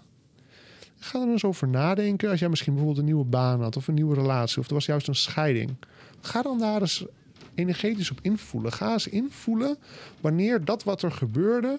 wanneer dat eigenlijk al eerder al was ontstaan kan je een moment van beslissing voelen van misschien al wel jaren eerder. Ik zal je nog een voorbeeld geven. Toen Arwin en ik, en Arwin was mijn voormalig zakenpartner bij Superfoodies, wij namen het bedrijf in Engeland over. Toen we het bedrijf overnamen, had ik een half jaar daarvoor onze webwinkel superfood.nl overgenomen. En die was in het eerste half jaar was die verdubbeld in omzet. En Arwin zei: We hebben dit bedrijf in Engeland overgenomen, daar gaan we hetzelfde doen. En ik voelde in mijn buik: klopt niet, gaat niet gebeuren. Mm. En, maar mijn mentor en die man die had een bedrijf opgebouwd van 100 miljoen, die zei dat het ging gebeuren. Dus ik ging daarin mee. Ja, ik wilde natuurlijk ook niet tegen hem zeggen dat ik, dat ik voelde dat het niet ging gebeuren. Hmm. En inderdaad, het gebeurde niet. En achteraf gezien zijn er twee dingen waar. In dat moment voelde ik intuïtief dat het niet ging gebeuren. En doordat ik in mij leefde dat het niet ging gebeuren, daardoor gebeurde het dat het gebeurde gaf mij een enorm grote les. Het gaf mij enorm veel inzicht. Het gaf het, mij de gelegenheid dat ik durfde te falen. Want ik was altijd enorm bang om te falen. Dankzij hebben gefaald, leren we dat we mogen falen in het leven. Hmm. Dat is denk ik belangrijk. Doordat we falen, leren we dat we mogen falen. En leren we dat we niet bang hoeven te zijn voor falen. Ja? Maar ik zag daardoor ook, hé, hey, ik ben de creator hiervan geweest. Doordat ik hier bang voor was, is dit de werkelijkheid geworden. En vandaag de dag zou ik zeggen: hey, ogen dicht en gaan voelen. Wat is het in mij dat nu voelt dat het niet gaat gebeuren? Kan ik een ander perspectief vinden? Kan ik een andere realiteit vinden? Kan ik een andere kijk vinden? En om terug te gaan tot energy medicine, shamanen zullen zeggen: het leeft in het energieveld. Hmm. Ja? En dat wat in het energieveld leeft, wordt jouw werkelijkheid. Maar dat wat in het energieveld leeft, kan ik ook helen. Ja. Ja? Ja. En is dat het eh, luminous, eh, Luminous luminous bo- energy body? ja, eh, ja, wat, ja, dus energy field. ja. Ja, het veld van licht. Ja, het, het lichtgevende veld. En daarmee samengevaard, een lang verhaal kort met vele metaforen, denk ik, om over na te denken. Wat leeft er in je? Is de essentie. Mm. Als we heel helder kunnen worden over ontmoetingen die plaatsvinden. Iemand die zegt iets tegen je en het triggert een gevoel. Of het nou een gevoel van succes is, een gevoel van pijn, een gevoel van verdriet, misschien wel een boosheid. Als er iets in jou wordt getriggerd, kan je wel de schuld geven van ja, waar ben jij een eikel dat je dat tegen me zegt. Ja. Mm. Maar het zijn jouw gevoelens. Ja. J- dit zijn jouw gevoelens. Hè, dit leeft in jou. En het echte leiderschap is te beseffen: oké, ik voel dit. Niemand anders is verantwoordelijk voor mijn leven. Ik voel dit. Waarom voel ik dit? Waar is het een reflectie van? Wanneer we heel stil, wanneer we stil kunnen gaan staan bij wat er gebeurt in ons leven, dan kunnen we bewust gaan zijn van wat er in ons leeft. Ja. Want wat er in ons leeft, is de toekomst die wij creëren. Mhm. Ja, is mooi. Ik ben nu net begonnen in het boek eh, Becoming Supernatural van Do- Joey Dispenza. Heb je hem gelezen of niet? Nee. Echt heel mooi hoe dat hij uitlegt hoe je gedachtepatronen, eh, dus ook de gedachtepatronen uit het verleden, hetzelfde creëren, zodat je iedere keer naar hetzelfde loopje komt. Ja. En eh, dat in de toekomst leven eh, kan goed zijn, Mhm. maar je moet het wel brengen naar het gevoel van wat Ja. je nu hebt. Ja. En, hij, hij is echt heel bijzonder. Dat je zelfs met, volgens mij heet het mammogrammen, dat zijn Mhm. bepaalde foto's, Mhm. waarbij die mensen voor de workshop en daarna. Een foto maakt. En dan zie je dus door middel van meditatie dat dat luminous Mhm. energy body, Mhm. dat dat gewoon al zichtbaarder, breder, Ja. meer aanwezig is. Ja. En eh, wat veel mensen niet beseffen is dat door de straling die wij... Het is ook een magnetisch veld, toch? Dus door Mhm. de straling die we bij ons dragen... dat dat schijnbaar heel dicht op ons lichaam zit. Mhm. Volgens mij heb ik dit uit het boek van Alberto... de, de shaman, shaman, de sage, de healer, volgens Mhm. mij. Ehm, en hoe dichter dat het op je zit... hoe minder dat je eigenlijk aan kan voelen. Ja. Alsof je een soort van... eh, ja, je hebt eigenlijk gewoon een, een zintuig om je lichaam heen... wat je heel veel vertelt. Maar dat hebben, we weten toch ook allemaal dat we dat hebben. We zijn toch allemaal wel eens een ruimte binnengelopen... waar net twee mensen ruzie hebben lopen maken... dat je voelt, wat is hier net gebeurd? Ja. Ja. We hebben allemaal dat zintuig. We ontwikkelen het, we ontwikkelen het alleen heel weinig. Ja. En over dat stuk wat jij zegt tussen eh, de mentale patronen en het energieveld. Er zijn twee we- wegen om het te helen, want ze zijn in harmonie. Het is een wisselwerking. Je kunt je beseffen, oké, jij hebt een gedachtepatroon wat je iedere keer herhaalt. Misschien wel van angst. Dan laat ik het naar mijn leven, aan mijn leven relateren. Er voor mij angst om niet gezien te worden. Hè, zo lang gepest te zijn, het leefde in mij angst om niet gezien te worden. En door die angst om niet gezien te worden, wilde ik heel graag gezien worden als succesvol. En wilde ik succesvol zijn. Dat was een gedachtepatroon. Ja? Maar het was ook een emotioneel trauma. Het was ook een energetisch trauma. Ja. Ja? Het zat ook in het energieveld. En omdat het een wisselwerking is, kan je het op twee manieren helen. Beide werkt.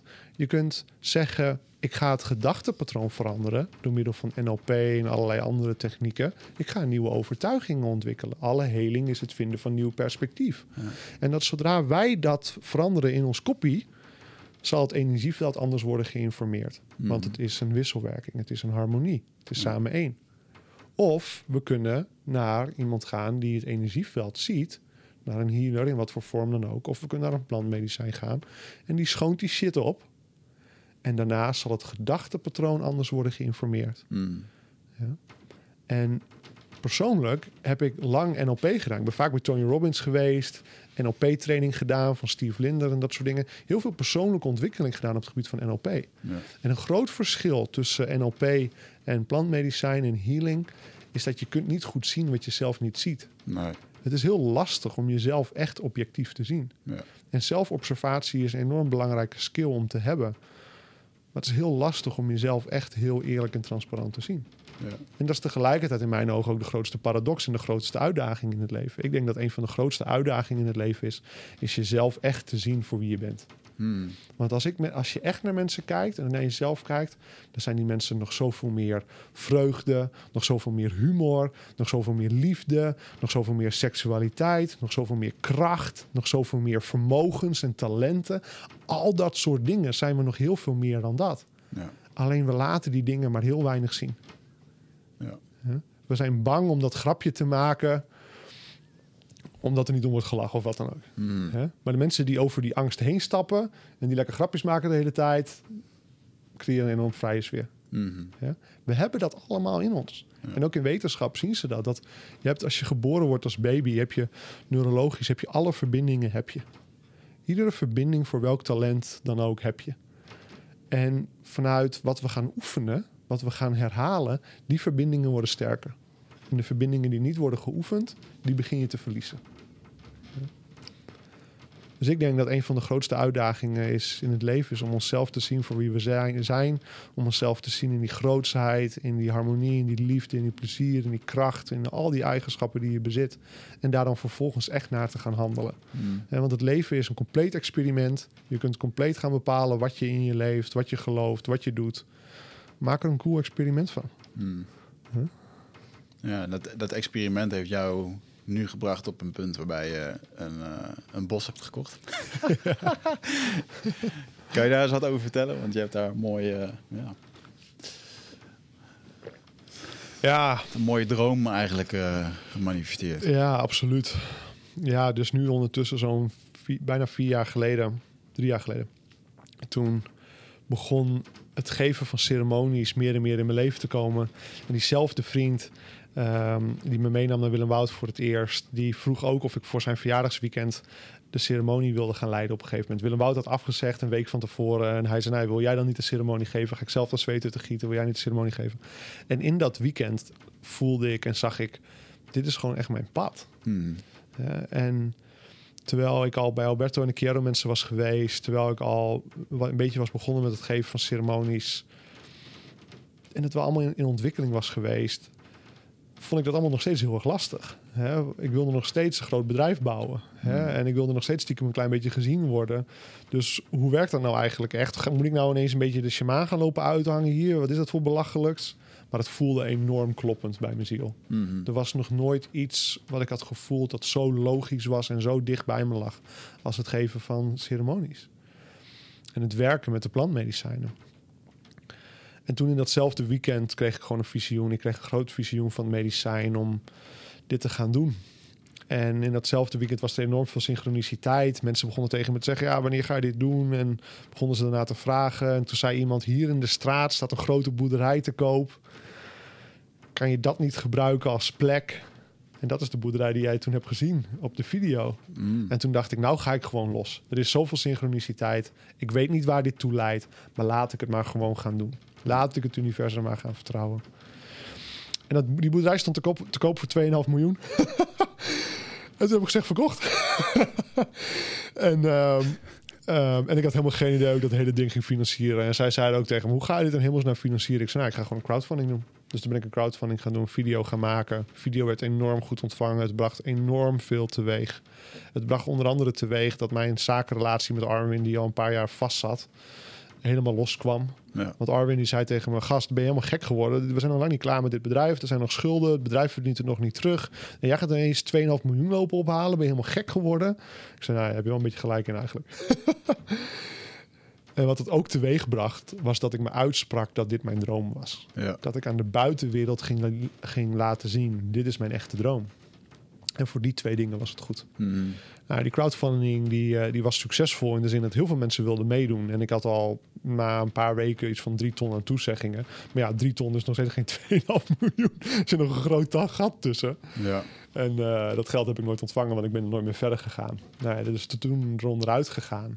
En vanaf dat moment was het iets, ja, dit is gewoon echt wat ik wil. Maar in die fase, in die jaren, en dat is, kreeg ik de grote les die ik moest gaan leren in mijn mentorschap met, met hem, met Arwin en met Superfoodies. Omdat mijn, een van mijn grootste uitdagingen was gewoon het hebben van focus. Altijd zoveel tegelijk willen doen. Ja. En toen kwam er zo'n grote calling om met het plantmedicijn te werken. Maar het was gewoon nog niet klaar. Ik moest gewoon superfoodies en dat werk eerst gaan afmaken. Hmm. En dat ben ik gaan doen. Ik geloof, daardoor heb ik echt geleerd: leiderschap is, is het vermogen om te doen wat voor je ligt. Ja? Wat het leven nu aan jou presenteert. En daar ten volle voor opstaan. Daar te zeggen: give it to me, let's do it. Niet gaan negeren, niet doen alsof het er niet is. Niet over positief denken. Niet wegkijken en denken: dit komt wel goed. En naïef zijn of wat dan ook. Ga er nou eens in staan. Ga Hmm. staan in de problemen in je leven. Ga staan in wat zich voordoet in je leven. Ga staan in wat, in, in wat er is. Ja. Zie het zoals het is. Ja. En, cre- en ga daar vol met beide poten in staan. Dat is echt leiderschap. En dankzij dit allemaal ging ik, want ik haatte de situatie. Ik haatte dat Superfoodies geen winst maakte. Het was een compleet tegenovergestelde beeld van wat ik had. Ik heb het bedrijf overgenomen, dat hoort toch winst te gaan maken. En ik ben toch succesvol. En hoezo lukt het niet? En allemaal verhalen die ik erover vertelde. Ga het nou gewoon eens doen. Dus toen ben ik eerst ten volle gaan focussen op het bedrijf nou eindelijk een succesvol maken. En dat is gebeurd. En ehm, toen, iets meer dan een jaar geleden, heb ik Armin eindelijk uitgekocht. Zodat het bedrijf helemaal voor mij werd. En de grote grap is, sindsdien gaat het allemaal veel beter dan ooit. dat is altijd zo hilarisch, hè? En ehm, ja, en ik ben gaan zien, en eerder in dit interview heb ik gezegd... wees intuïtief voor de kleine dingen die gebeuren. Mm. De kleine dingen die mensen af en toe tegen je zeggen. Hè, iemand die af en toe ergens over begint... waarvan ze soms helemaal niet weten waarom ze dat tegen je zeggen. Ja. Iedere keer als iemand mij weer vroeg... hey Jesse, hoe zit dat eigenlijk met je droom? Ik heb een, jaar, een paar jaar geleden een video van jou gezien. Hoe zit het daar eigenlijk mee? En jij vroeg het nog... eh, jij was in november bij de ceremonie, dus dat is nu zo'n vijf maanden geleden. Toen vroeg je het ook weer aan mij. Mm. Hè, Jesse, hoe zit het nou eigenlijk met je droom? En toen zei ik tegen jou, je weet het vast nog... dank je wel voor me te herinneren aan mijn droom. Mm. En op dat moment had ik verder nog geen plan. Ik wist nog niet eens dat dit ding te koop stond. Dit Ja. landgoed. Maar ik zei tegen je, dank je voor me te herinneren... en die droom levend te houden. En dat is gewoon wat ik ook geloof en wil zeggen. No matter what, weet wat je droom is. En no matter what, no matter hoe lang het duurt... wat het leven dan ook je laat zien, tot je brengt... wat er ook gebeurt, houd die droom levend. Houd altijd die droom levend in je. Ga niet lopen denken, nou, laat maar of wat dan ook. Leven is een experiment. Kies wat je wilt. Je bent de grootste creator van alles. Mm. En toen een paar weken, denk ik, nadat jij dit zei, toen ehm, ja, we kregen natuurlijk eh, meer en meer maatregelen al, waar ik eh, enorme voorstander van ben. Dus eh, mijn eh, vrouw en ik begonnen wel meer en meer gesprekken over, ja, hoe gaan we dit nou eigenlijk allemaal doen? Hoe gaan we dit nou doen als we straks vaccinatiepaspoorten hebben en dat soort dingen? Hoe, hoe, hoe zien we nou echt onze toekomst van onze kinderen? En op dat moment voelde ik weer heel zachtjes in mijn buik, we gaan nou gewoon eens kijken naar een landgoed. En we wonen in het noorden van Drenthe, in Rode. En ik ging naar Funda, ik tikte Rode in. Ik geloof dat je het Funda kan kiezen van plus 100 kilometer of zo. En dus ik tikte in Rode, plus 100 kilometer. En dan als filter minimaal 50.000 vierkante meter grond. nou, ja, die dingen zijn er helemaal niet zoveel. Nee. En een van de dingen wat, die ik vond was in Gasselte, een half uur bij mij vandaan, een beetje in het midden van Drenthe, onder Assen ligt dat. Enorm natuurgebied met recreatieplassen en ook campings eromheen. Een enorm bosgebied. Beetje een kleine Veluwe. En in, aan de rand van dat bosgebied nog een klein stuk bos van bijna 12 hectare, 11,5 hectare. Dat is eh, bijna 115.000 vierkante meter. Dat is iets van eh 12 voetbalvelden of zo, ik weet niet precies uit mijn hoofd. En dat stond gewoon te koop. Woonhuis erop. Klein vakantiewoning er nog op, wat weilandjes. En nog niet eens, grappig genoeg, relateerde ik het aan mijn droom. Zo grappig. Hm. Nog niet eens relateerde ik het daaraan. Maar het voelde wel kloppend. Marlijn direct kijken. Ook daarvoor, in de weken daarvoor, waren we ook op zoek geweest naar andere huizen. Allemaal zoveel synchroniciteit. En dat was het hem iedere keer niet. En toen zei ik tegen Marlijn, als het nu zich voordoet, dan moeten we het gewoon doen. We moeten gewoon durven vertrouwen. Zo grappig. Nou, ja, in ieder geval, herkende synchroniciteit in je leven. Dus toen, door, mede door de voorvallen, dacht ik, nou, nou wil ik het niet weer laten ontglippen. Nou wil ik gewoon gaan. Mm. En dat klopte ook. En toen begonnen geleidelijk de puzzelstukjes op een plek te vallen. Dit is niet voor ons om te wonen. Dit is voor, on, voor mij om die droom die je toch... Hallo, alsof het universum zei... Jesse, je hebt toch deze droom? Daar is het voor. Ja. En ehm, dus gekocht, bod gedaan, gekocht. En nu per 1 april, over een paar weken, eigenaar van ruim 11 hectare bos. Wat weilanden, een woonhuis, een vakantiehuis. En ehm, we gaan er een kerkgemeenschap van maken. We gaan het noemen We the People. Wij de mensen. Ons geloof is, onze moeder aarde is onze echte moeder. En deze plek, de natuur is onze kerk. Uh, we keren terug naar de natuur, want dankzij de natuur vinden we onze eigen natuur. Uh, ja. Vinden we wie wij zijn. Uh, en dit is ook onze plek om te verbinden met de Great Spirit en met God en met alles dat leeft. En want in dat dialoog kunnen we ontdekken wie we zijn, waarom we hier zijn, wat we dromen, kunnen we helen. Alles waar een kerk denk ik ook oorspronkelijk voor bedoeld is. Ja. Um, maar we zijn natuurlijk een beetje afscheid gaan nemen van die dogma's en het, van, van, van de oude kerkgemeenschappen in, in onze moderne tijd. In deze kerk gaan we geen Bijbel hebben. We gaan geen geloofsovertuigingen neerleggen op mensen. We hebben oude principes, we hebben ceremonies en we zullen regels hebben hè, van de respect voor de natuur en de stilte en dat soort dingen die de setting creëren. Maar voor de rest ben je hier om je eigen overtuigingen te ontwikkelen. Je bent hier om je eigen Bijbel te gaan schrijven. Ja. En, um, en dat doen we met elkaar. Hè. We zijn de mensen, we verbinden met elkaar. We zijn hier samen en we doen dit hand in hand om een droom te hebben voor de harmonie tussen de mensen. Uh, samen hier te zijn op deze planeet in gelijkheid, zonder landsgrenzen. Samen in gezondheid hier te leven. En, um, en te, onze her, verbinding met de moeder aarde te herinneren. Dat zijn onze kernovertuigingen. En dat is We the People. En dat is waarvoor we dit doen. En uh, kerken mogen ook samenkomen. En dat geeft ons ook een gelegenheid om ook samen te komen. En we zullen er wekelijks ceremonies gaan houden in de vorm van plantmedicijnceremonies. Gewoon helemaal legaal met truffels zoals dat in Nederland mag. En we zullen zweethutten gaan doen. En we zullen rond het vuur gaan zitten en gatherings doen en zingen. En we gaan fishing quests doen. En we gaan er een enorm prachtige plek van maken. Mooi man. Ja, voor ja. mensen om naar de natuur te keren. Dus dat is wat het zal zijn. Ja. Relax man, ik heb gewoon een vakantiehuis in Drenthe. Heel veel mensen hebben vakantiehuis in Drenthe. Ja. Drenthe is bijzonder man. Ik doe vaak uh, eigenlijk alles wat ik met retreats organiseer is in die, in die regio. Toch als je daar binnen rijdt, dan uh, is echt een hele relaxte vibe. Ja, zeker. Echt, uh, begin, ja. begin er steeds meer naartoe te trekken dat ik daar ook wel zou kunnen wonen. Ja. Wel, een beetje genezen van Amsterdam rond deze tijd. Ja. Hey, en wat ik wel een heel interessant vind, ik vind jouw uh, visie op het huidige klimaat en uh, wat er nu allemaal speelt. Um, je had een hele mooie ceremonie gehad met een, uh, met een plantmedicijn, wat jij toen vertelde. Hoe dat het zat. Ja. Weet je dat nog? Zou je dat eens willen vertellen aan de luisteraars? Vond ik een hele waardevolle. Ja, ik denk dat je bedoelde toen ik jou vertelde dat toen dit allemaal begon vorig ja, jaar in exact, maart. Hè? Ja. ja, dus toen, ik, toen dit allemaal begon vorig jaar in maart, toen voelde ik direct aan mijn buik dit klopt niet. Ik geloof niet wat die mannen zeggen. Ik geloof niet in dit perspectief. Ik geloof niet dat we zo bang hoeven te zijn voor het virus. En dat uh, hadden heel veel bevriende gezondheidsexperts en artsen en dat soort mensen ook al direct vanuit het perspectief. Ja, we hebben gewoon een immuunsysteem. Ja.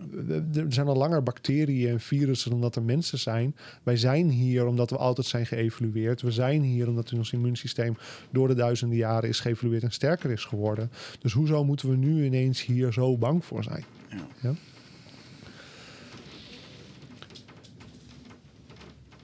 Dus, maar het klopte niet. En mijn weg is het medicijn. Dus ik keerde in ceremonie. Ik keerde naar mezelf. Ik deed een ceremonie in mijn eentje. Uh, om te vragen aan de spirits en om te vragen aan de moeder aarde, wat gebeurt hier? En het eerste wat ik zag, en ze tegen mij zeiden, begrijp dat donker en licht altijd hand in hand zijn. En je, je zou kunnen stellen dat trachten de mensen binnen te zetten in isolatie, trachten te zeggen tegen de mensen wat je wel en niet mag, Um, hè, dat je niet mag ontmoeten, dat je afstand moet houden, dat je niet mag reizen, dat je niet je bedrijf zelfs meer mag open doen. Al die dingen die niet mag, die niet mogen. Um, en de, alle grote gevolgen die dat heeft, hè, want we hebben meer depressie dan ooit. Hè, de zelfmoordhulplijnen hebben het drukker dan ooit. Een paar maanden terug zag ik al 65.000 gezinnen zijn al in schuldsanering geraakt in Nederland. Gezinnen, hè? Mm. Hè, er zijn 10.000 mensen in Nederland met corona overleden. Niet eens per se door corona. Er zijn 150 mensen door corona overleden onder de 70 Ja. in Nederland. Dat is nu de officiële statistiek als je dieper in de cijfers gaat. En alle andere overlijdens zijn mensen met corona, Ja. hebben onderliggend lijden, hebben overgewicht, et cetera. Te vinden bij het RIVM over. Als dat allemaal RIVM-cijfers, hè? Ja. Allemaal RIVM-cijfers.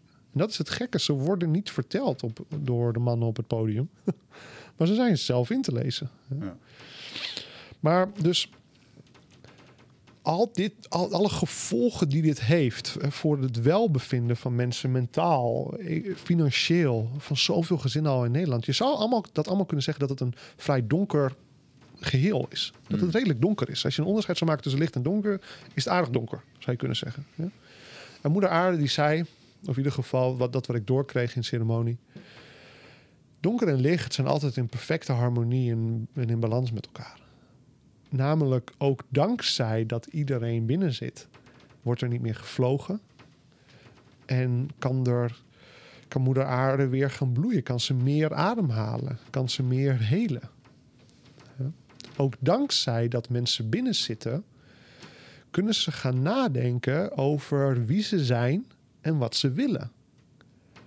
En het voelde voor mij alsof moeder aarde tegen me zei: ik hoef jullie excuses niet. Jullie hoeven niet tegen mij te zeggen: sorry, het spijt me voor wat ik jullie heb aangedaan. Want laten we vooropstellen voor de luisteraar: de moeder aarde heeft aardig wat te lijden. Mm. De- veel populaties aan dieren en aan insecten en aan bijen zijn aan het afsterven.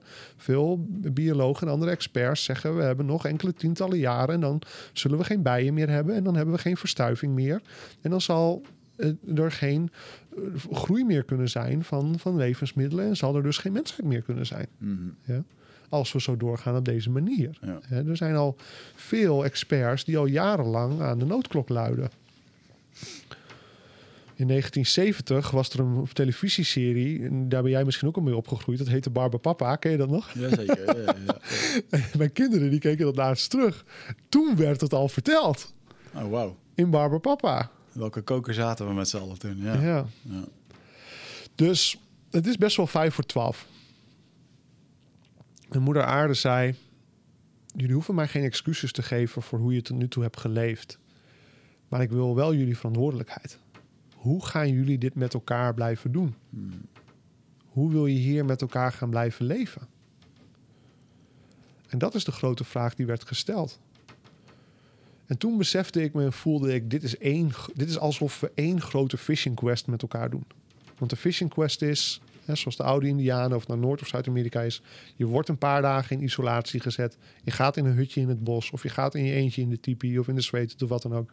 Je hebt gewoon water, je gaat, maar je eet niet, je gaat daar niet weg, je blijft op dezelfde plek. Je doet je ogen dicht en je gaat naar binnen. Hè, de Lakota's die geven de Chanupa, de vredespijp en je gaat maar bidden. Je gaat maar stil worden. Het is één grote fishing quest voor de mensheid. Ga maar zitten en ga maar nadenken over wie je bent en wat je wilt. En op grotere schaal kan je over meer nog gaan nadenken. Namelijk dat onze geneeskunde is een geneeskunde die primair wordt geïnformeerd door de farmaceutische industrie. Ik heb veel bevriende artsen en de meeste van hun die hebben in zes jaar, eerste zes jaar geneeskunde niet meer dan een half uur les gehad over voeding. Ja. Waar ze wel extreem veel les in krijgen, is over geneesmiddelen. Wat die geneesmiddelen doen, wat het effect is op het lichaam, wat de bijwerkingen zijn. Mm. Dat betekent dat al die studie die er is over voeding, over kruiden, over planten, over algen, al die studie, en dat is er nogal wat. En dat zijn vele levenswerken. Ja. Hè? Zelfs binnen de hele specifieke studiegebieden, zoals paddenstoelen, et cetera, kan je al een levenswerk van maken om dat, je, om dat te gaan bestuderen. Dat allemaal wordt ze niet geleerd. Maar wel wat de medicijnen zijn, hè, de farmaceutische middelen, en wat hun effecten zijn Ja. dat die hele opleidingsstructuur en dus onze hele denkwijze wordt sterk geïnformeerd door de farmaceutische industrie. Het zijn de medische bladen die, de, die de, worden gefinancierd door de farmaceuten. Het zijn de bijeenkomsten, et cetera, die worden gefinancierd. Het meeste onderzoek wordt gefinancierd door de farmaceuten. Ja. En dit komt ook af en toe naar buiten. Een paar jaar geleden had je toch die arts in, eh, in Rotterdam, wilde studie gaan doen naar curcuma. En die, die eh, dat was blijkbaar een bekende oncoloog die ook eh, benaderd was door Steve Jobs jaren geleden. En die man die, wil, die kwam erachter, goh, dat curcuma een effect heeft op kankercellen. Wat we in natuurgeneeskunde natuurlijk al jarenlang weten, plus nog heel veel meer. Hmm. En die wilde daar onderzoek naar gaan doen. En toen werd er direct tegen deze man gezegd, nou is hij mee naar buiten gekomen. Ziekenhuizen doen voor, worden voor een heel groot gedeelte ook gefinancierd door de farmaceutische industrie. De onderzoeken die zij doen binnen de laboratoria en ziekenhuizen worden gefinancierd. Zij, daar komen de geldstromen vandaan. Ja, Toen werd er direct gezegd, die geldstromen die stoppen als jullie dit gaan onderzoeken. bizar. Dus dit is hoe het werkt. Ja. Ja? In, in, in natuurgeneeskunde zijn in de jaren negentig even bevriende artsen en, en, en mensen in dit werkveld, zoals Albert Sonneveld en, eh, en, en Henk Fransen, die al wat ouder zijn. Die zijn in de jaren zijn al zijn in de vijftiger jaren al, hè, die zijn al tegen de zestig. Die gaan, al wat langer mee. Die hebben in de jaren negentig allemaal gezien dat ehm, homeopathie en dat soort vormen van alternatieve geneeskunde structureel is opgekocht door farmaceutische bedrijven. Het is allemaal geen complot, hè? het is gewoon gebeurd. Hmm. En dat vervolgens het gewoon in de doofpot wordt gestopt. Wordt niks meer mee gedaan. Wordt gewoon opgekocht. Weg ermee. Ja. En je hoeft niet iets op te kopen wat niet bedreigend is. Toch? Als het kwakzalverij zou zijn. Als het niet zou werken. Als het geen onzin is. Toch? ja, zeker. Ja. Nou, dus wij leven in een wereld waarin dat hele gebied sterk wordt geïnformeerd en, en gefinancierd. En, en de, die farmaceutische industrie erg bepalend is in on- hoe wij denken over gezondheid. En ik geloof dat dankzij dit, wat er nu gebeurt, we dat kunnen gaan herevalueren. Hmm. Want wat er nu gebeurt, is een enorme uitvergroting van dat geheel. Het is nu zelfs zo. Vroeger was het zo: je bent gezond totdat je bewezen was dat je ziek was. Namelijk, je bent gezond totdat je bij de arts komt en die stelt een diagnose: je hebt deze ziekte en dan ben je ziek. Om het zo maar te zeggen. Hè, Het is nog zelfs meer dan dat in mijn ogen, als je het holistische bekijkt, maar vooruit. Nu is het zo: je bent ziek totdat je bewezen bent dat je gezond bent. Tot je bewezen hebt dat je gezond bent.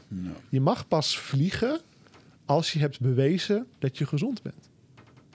Met andere woorden, je bent ziek totdat je bewezen dat je gezond bent. Ja. Het is een complete ommedraai. En daarom is het een enorme gelegenheid, door, dankzij deze uitvergroting, voor mensen om te gaan nadenken over wat geloof ik nou eigenlijk echt over gezondheid? Wat geloof ik nou eigenlijk echt zelf Hmm. over wat gezondheid is en hoe ik daarvoor zorg en wat ik daarin wil doen? Wat geloof ik eigenlijk zelf over grondwetten en hoe ik daarmee om wil gaan? Wat is nou eigenlijk echt mijn waarheid hier in dit geheel? Moet ik hier bang voor zijn, voor dit virus? Moet ik daar naar luisteren? Of moet ik, kan ik een ander oordeel vellen? Kan ik een ander perspectief krijgen?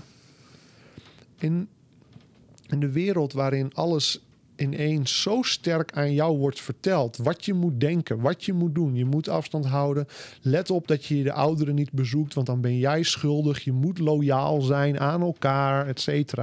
Het is een extreem sterk framework dat wordt neergezet over hoe jij over dit moet denken. Duncan Trussell die zei dat heel mooi bij Joe Rogan. Dat er zit waarschijnlijk nu een of andere dude bij een rivier zonder een telefoon. En die heeft geen idee hoe bang dat hij moet zijn eigenlijk. Ja. Weet je? Maar die zit daar gewoon lekker te leven, heeft geen idee wat er gebeurt. En- last van. Nee, exact. Ja. Ja. En.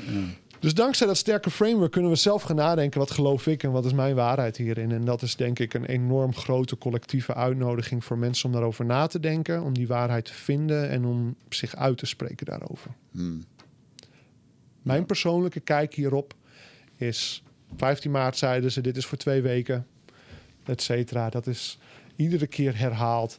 De avondklok is voor twee weken. En dat is het eerste wat eraf gaat. En nu verlengen ze hem iedere keer. Het is maatregel na maatregel. Er is geen enkele wetenschappelijke of statistische onderbouwing... die überhaupt deze maatregelen kan verantwoorden. In het begin hadden ze het over doden. Daarna gingen ze het hebben over besmettingen. En daarna gingen ze het hebben over een potentiële Britse variant. Het gaat van harde feiten van doden naar besmettingen die heel discutabel waren. Want we hadden enorme discussies over po- vals positief. Nou, laten we daar maar niet op ingaan.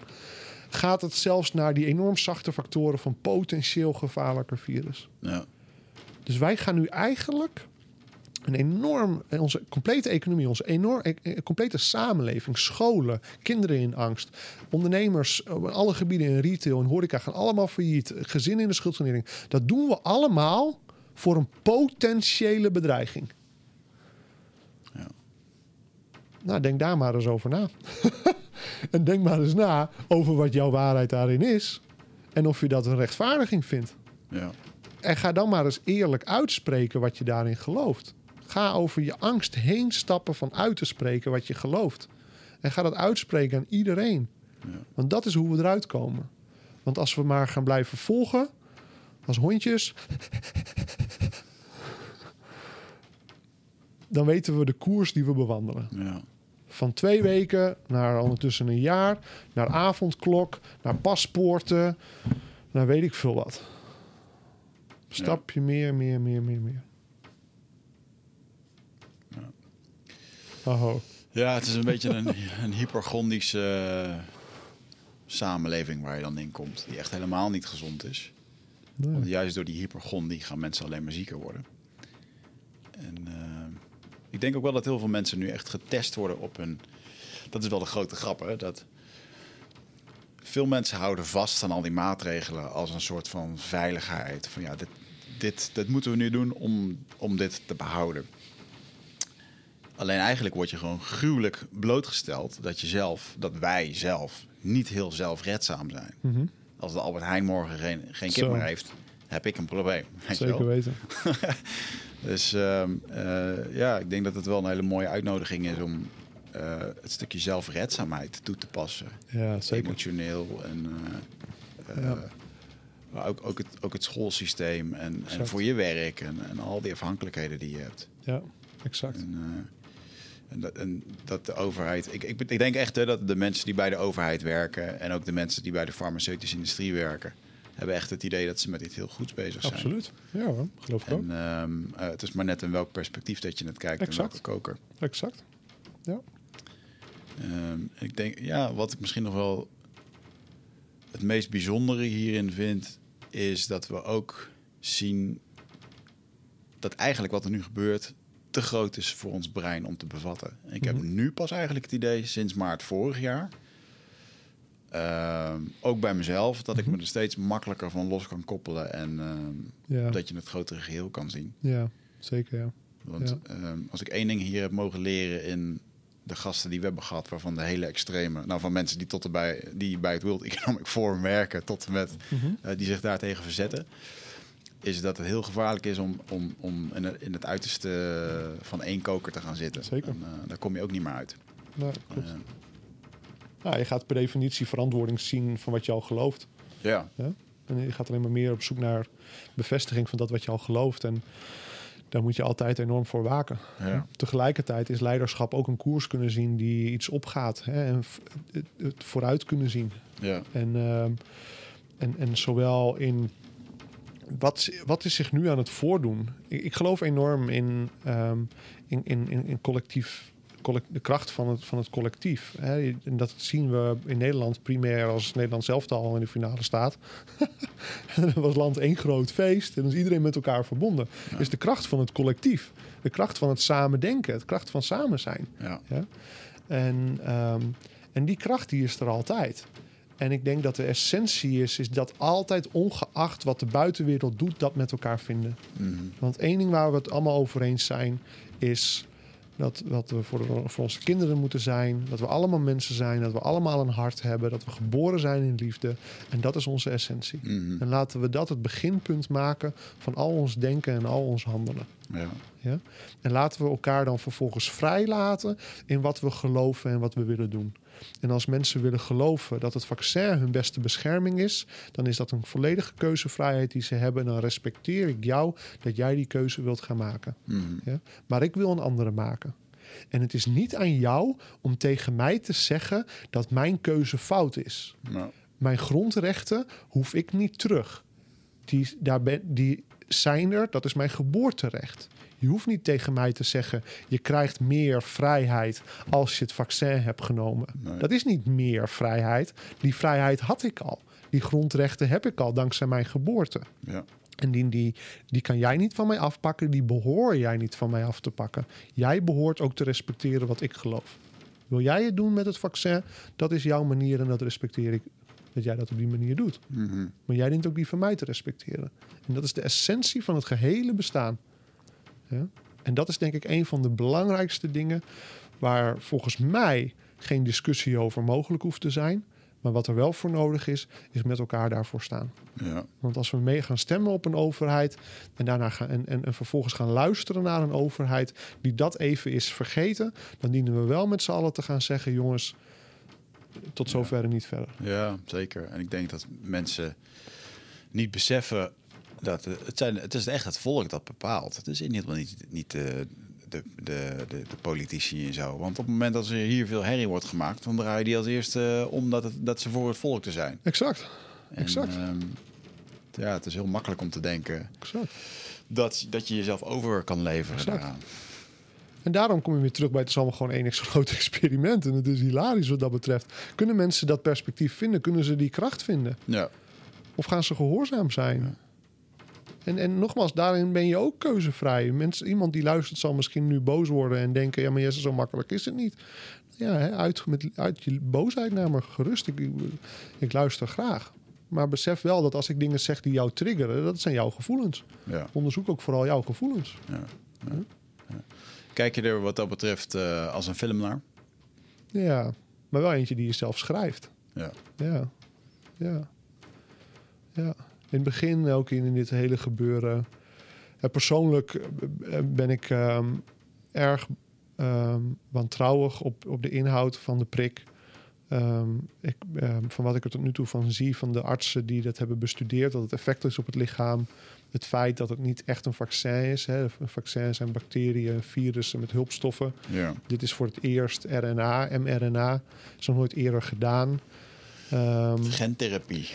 ja, dat, dat, is, dat is wat de experts zeggen dat het is. Ik ben daar niet voldoende expert van hè, om, om dat zo te zeggen. Maar ehm, dat beangstigt me wel wat het gaat doen. Hè. Hmm. Ehm, ben ik bang dat er enorm veel overlijdens zullen zijn. En dat zien we nu ondertussen ook al. Ik, wilde graag een tijdloze podcast opnemen, maar eh, dat hebben we gelukkig het eerste uur een beetje gedaan. Maar ehm, ja, we zien helaas ehm, veel overlijdens op dit moment al in de verzorgingstehuizen, helaas. En ehm, ja, ik, ik ben daar bang voor. En in het begin was ik erg bang voor het feit dat dat zou gaan gebeuren. En vond ik het vreselijk dat mensen dat, dat gingen nemen en dat dat zou gaan gebeuren. Hmm. Ja, ondertussen moet je het ook gewoon zien op het niveau van de ziel. We komen hier, we maken onze eigen keuzes. Mensen zijn keuzevrij om te doen wat ze willen doen. En ja, we komen wel een keertje weer terug. Ja. op, de- op deze planeet of op een andere. Hmm. Dus, ehm, en, de- en de- uiteindelijk hoeven we de aarde ook niet te redden. Hè. De, de aarde redt zich wel. Ja. De aarde zal er altijd zijn. De vraag is of wij er ook zullen zijn. Ja. En, eh, en, en dan moet je niet passief worden en denken dat het allemaal niet telt. Nee, natuurlijk droom je met elkaar die toekomst voor je kinderen. Maar je hoeft het ook niet als een zwaar gewicht op je schouders te gaan dragen. Ja. Want dat dient je niet. Ja. En dat, dat wordt ook niet van je gevraagd. Nee. Dat begint toch met een heel helder beeld. Vormen voor jezelf wat je ermee wil. En, Ja, en eh, daar zal je ook keuzes in moeten maken. exact. Vooral voor jezelf. Ja. Ja. Ja. Mooi. Wat, eh, hoe zit het met de tijd? Oh, twee uurtjes. Wat ehm, ehm, brengt de toekomst voor je met, ehm, eh, met het shamanenpad? Wat, eh, natuurlijk heb je je dromen, wat binnenkort Mhm. gaat, ehm, gaat manifesteren. Je blijft gewoon ondernemen, want je bent gewoon ondernemend type. Maar Mhm. wat, is het, eh, wat is het pad van heling wat, wat jou te wachten staat, denk je? Of waar, waar wil je misschien zelf naartoe bewegen? Ja. Hmm. Nou, het bos en het plantmedicijn, dat, dat roept me enorm om de diepte daarin te gaan. Om dat, eh, om dat te brengen, te onderzoeken, te ontwikkelen. Ehm, dat is voor mij de kern van wat ik doe. Mhm. En ehm, ik vind ook enorm veel plezier nog steeds in het, in het ondernemerschap. Ik hou er enorm van om met één voet in, in shamanisme te staan en, en in het medicijnpad te staan en met één voet ook gewoon in de westerse wereld te staan. Want ik nogmaals, ik zie het allemaal als een experiment waarin je volledig vrij bent om te doen wat je wil doen. En, Ja. en doe vooral wat je leuk vindt. En ik vind dat vooral ook nog heel erg leuk om te doen. Ja. En, en ehm, hoe meer ik het medicijnpad bewandel, ehm, hoe, hoe helderder ik word ook in mijn intenties. Waarom ik het superfoodies doe bijvoorbeeld. En hoe zuiverder dat wordt, hoe gemakkelijker dat ook gaat. Met hoeveel meer plezier het ook gaat. Ja. Ehm, dus ik, en ook hoe meer ik ook zie dat, ja, dat is ook een medicijn. Dat is ook echt wat we doen. We brengen dat aan de mensen. We brengen wat moeder aarde geeft aan de mensen. En dus dat zal ik ook gewoon echt met enorm veel plezier blijven doen. En ik weet niet zo goed hoe lang. Dat, dat hoef ik ook niet te weten. We zullen dat zien. Ik doe dat nu met enorm veel plezier. We zijn steeds meer plannen aan het maken. En ook aan het uitvoeren om naar het buitenland te gaan. Dus we gaan Superfoodies GmbH oprichten om naar Duitsland te gaan. En we zijn uh, super hard aan het gaan op Amazon. En um, ja, dit is echt een globaal bedrijf aan het maken. Hmm. Um, en dus voor mij is dat een uitleving van het experiment en lekker, lekker doen. En het is gewoon een grote feestwinkel om lekker plezier te hebben eigenlijk is dat uiteindelijk. Ja. En, maar mijn essentie is gewoon, hupsakee, lekker bij het vuur zitten. En, en mijn essentie is, kom er lekker bij zitten. En Ja. Mijn essentie is mensen samen rond het vuur en samen zingen. En, eh, en die plek gaan we daar helemaal voor openstellen. En, en kom maar langs. En, en laten we dat samen doen. En eh, ja, en, d- dus dat is wat, wat ik zal doen. Ja. Ja. Wat zie je jezelf? eh, we hebben het wel eens gehad over eh, eh, waar zie je jezelf over een paar jaar met het medicijnplan, met medicijnplanten.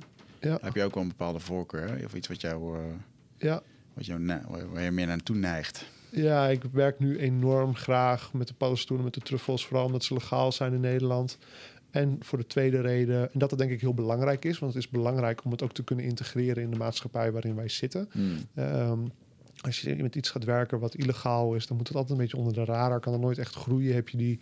Dit is de fase waarin we zitten. Laten we daarmee werken. hè? Ja.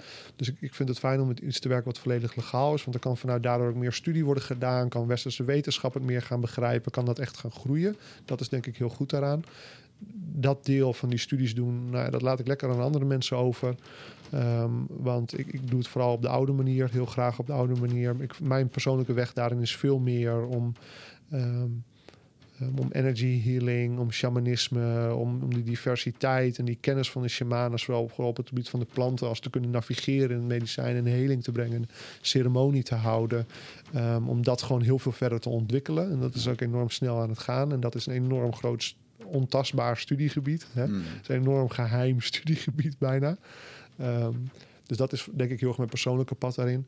Ik werk dus graag met wat hier legaal is, ook omdat het het medicijn is wat moeder aarde hier aan ons geeft. Ja. Ja? Hier krijgen we van de aarde de paddenstoelen. In, um, in de Amazone krijgen ze de ayahuasca. eh er komt de capi en de, de, en de chacruna vandaan. Dat is hun lokale medicijn. In Noord-Amerika en in de woestijnen groeit de San Pedro. Dat is hun medicijn. In Zuid-Afrika is het de iboga. Dat is hun medicijn. Moeder aarde geeft overal ter wereld... zowel de juiste voedingsmiddelen om van te leven... Eh, Per klimaat groeien er precies de juiste groentes, fruit, et cetera. Wat, je- wat jou de juiste voedingsstoffen geeft voor het welzijn van je fysieke lichaam. Daarom is het zo belangrijk om heel lokaal te eten. Ja. Ehm, in essentie, tenminste als basis van je voeding, betekent niet dat iets specialistisch, een bepaald kruid ergens ter wereld iets heel veel voor je kan doen in een bepaald moment. Maar in essentie is dat de basis. Ehm, en onze moeder aarde geeft ons lokaal de medicijnen voor onze emotionele, spirituele heling. En hier zijn dat de paddenstoelen. Dus daarom werk ik graag daarmee. Ik denk ook wel dat eh, paddenstoelen, ze zijn heel vreugdevol. Ze zijn de kindjes. Hè. Ze worden beschouwd in de medicijnwereld als de moeder is de ayahuasca. De moeder ayahuasca, de vader is de San Pedro. De grandfather Wachuma. En de paddenstoelen zijn de kindjes. Ik denk dat dit mijn voorbereiding ook is qua medicijnpad. En ik denk Hmm. dat ik waarschijnlijk nog, ik weet niet hoe lang, een paar jaar, tien jaar, twintig jaar lang hiermee zal gaan werken. Ik heb geen idee. Op een gegeven moment zal dat waarschijnlijk wel cactussen worden die ik ook zelf kan groeien. Ik voel die roeping wel, maar ik voel nu nog niet dat dat vandaag hoeft. Ja. En, eh, en ten opzichte van ondernemerschap voel ik enorm dat er waarschijnlijk een moment komt dat het ondernemerschap, dat ik dat achter me laat en dat ik gewoon lekker in het typie ga zitten en eh, mensen laat komen en nog veel meer de kruiden kan bestuderen. En gewoon, eh, waarschijnlijk ga ik wel dood als een oude medicijnman met een lange grijze baard en, eh, Ja. en die jou de kruiden geeft en het middelen geeft voor je heling met weinig woorden. En dat is wat ik droom voor mezelf, om dat, dat persoon te kunnen zijn. In al die wijsheid en in al die liefde en, en al die puurheid. En we zullen zien hoe zich dat verder ontwikkelt, in welk tempo, et cetera. Mooi Ja. man. Ja, goede dingen. Leuk om je transformatie te zien van alle jaren. Van inderdaad eh, ja, de snelle Jesse online. eh, die eh, Oh ja, ja, snel was hij wel. overal wilde laten zien met veel advertenties. Wat hij nog steeds doet overigens. Dat doe ik nog steeds en dat doe ik meer dan ooit. Ja, en en weet je, ja, als die kennis er is en die mogelijkheid er is, zet het in. Ja. Hè? We bereiken met superfoodies meer mensen dan ooit. En mensen vinden het irritant en al die advertenties. En nou ja, prima, dan moet je het gewoon kopen. Dan gaan de advertenties weg. dat is een geintje. Maar, ehm, nee, maar zonder gekheid. Ik geloof gewoon dat in te zetten. Het is ook het medicijn dat ik breng. Het is de Ja. ingang. Mensen, ik heb jarenlang gericht op de boeken en op de informatie. Maar er is maar zo'n klein gedeelte van de bevolking dat echt doet aan die studie. Die is zo heel bewust bezig met zelfontwikkeling en zelfstudie. En dat allemaal echt wil leren. Ja. Ehm, heel weinig mensen kopen een boek. En nog heel veel minder mensen lezen hem ook. En nog heel veel mensen, minder mensen doen er ook daadwerkelijk iets mee. Ja. Maar, maar heel veel mensen zeggen, nou ja, doe mij maar dat groene poedertje. Ik hoor dat het zo heel goed werkt. Geef me dat maar gewoon, dan slik ik dat wel dagelijks. En dan is dat een enorme stap vooruit in hun gezondheid. Ja. En ehm, dus daarom staat dat voorop in ons bedrijf. En dat geeft ons de gelegenheid om voor de mensen die dat willen... nog dieper met ze te gaan werken. Ja. Ja, dan eh, ga ik je toch een live review geven. Want jij hebt mij toen eh 30 van die zakjes gegeven. En eh, gisteren heb ik eh, eh, zelf een pot besteld. Omdat het goed voor me werkte. Want Ja. voor mij is het ook echt... eh, zel- eh, en ik als eigenaar van een voedingssupplementenbedrijf, hè, online ook... eh, kom ook niet aan mijn groentes. En eh, eh, ja, daarin de green juice vond ik wel echt een oplossing. Ook wel heel logisch eigenlijk. En vond het ook heel mooi aansluiten weer bij het dieet van Alberto Villoldo, wat ik al Ja. lang niet meer volg. Ehm, dat je toch gewoon 's ochtends een hele lichte maaltijd eh, Ja. pakt. In plaats Ja. van eh, brood en ei. En eh, wat wel mijn go-to ding is. Mooi. Ja. Ja, mooi, tof. Ja, dat je het zegt. Ja, het doet ook gewoon veel voor je probiotica, voor je darmen en de algen, voor de ondersteuning van de ontgifting, wat zo belangrijk is. En Hmm. Doet veel voor het lichaam. Ja. Mooi. Ja. Dankjewel man, dat je er was. Ja, man, En, eh, bedankt. Ik vond het echt een feestje. Ik kijk er naar uit om eh, vaker met je in de ceremonieruimte te hangen. Ja, altijd welkom. En eh, ja, volgens mij hebben we nog een heel mooi pad te gaan. Dus, Ja, ik hoop het. Ja, dankjewel dat je hier was. Nou,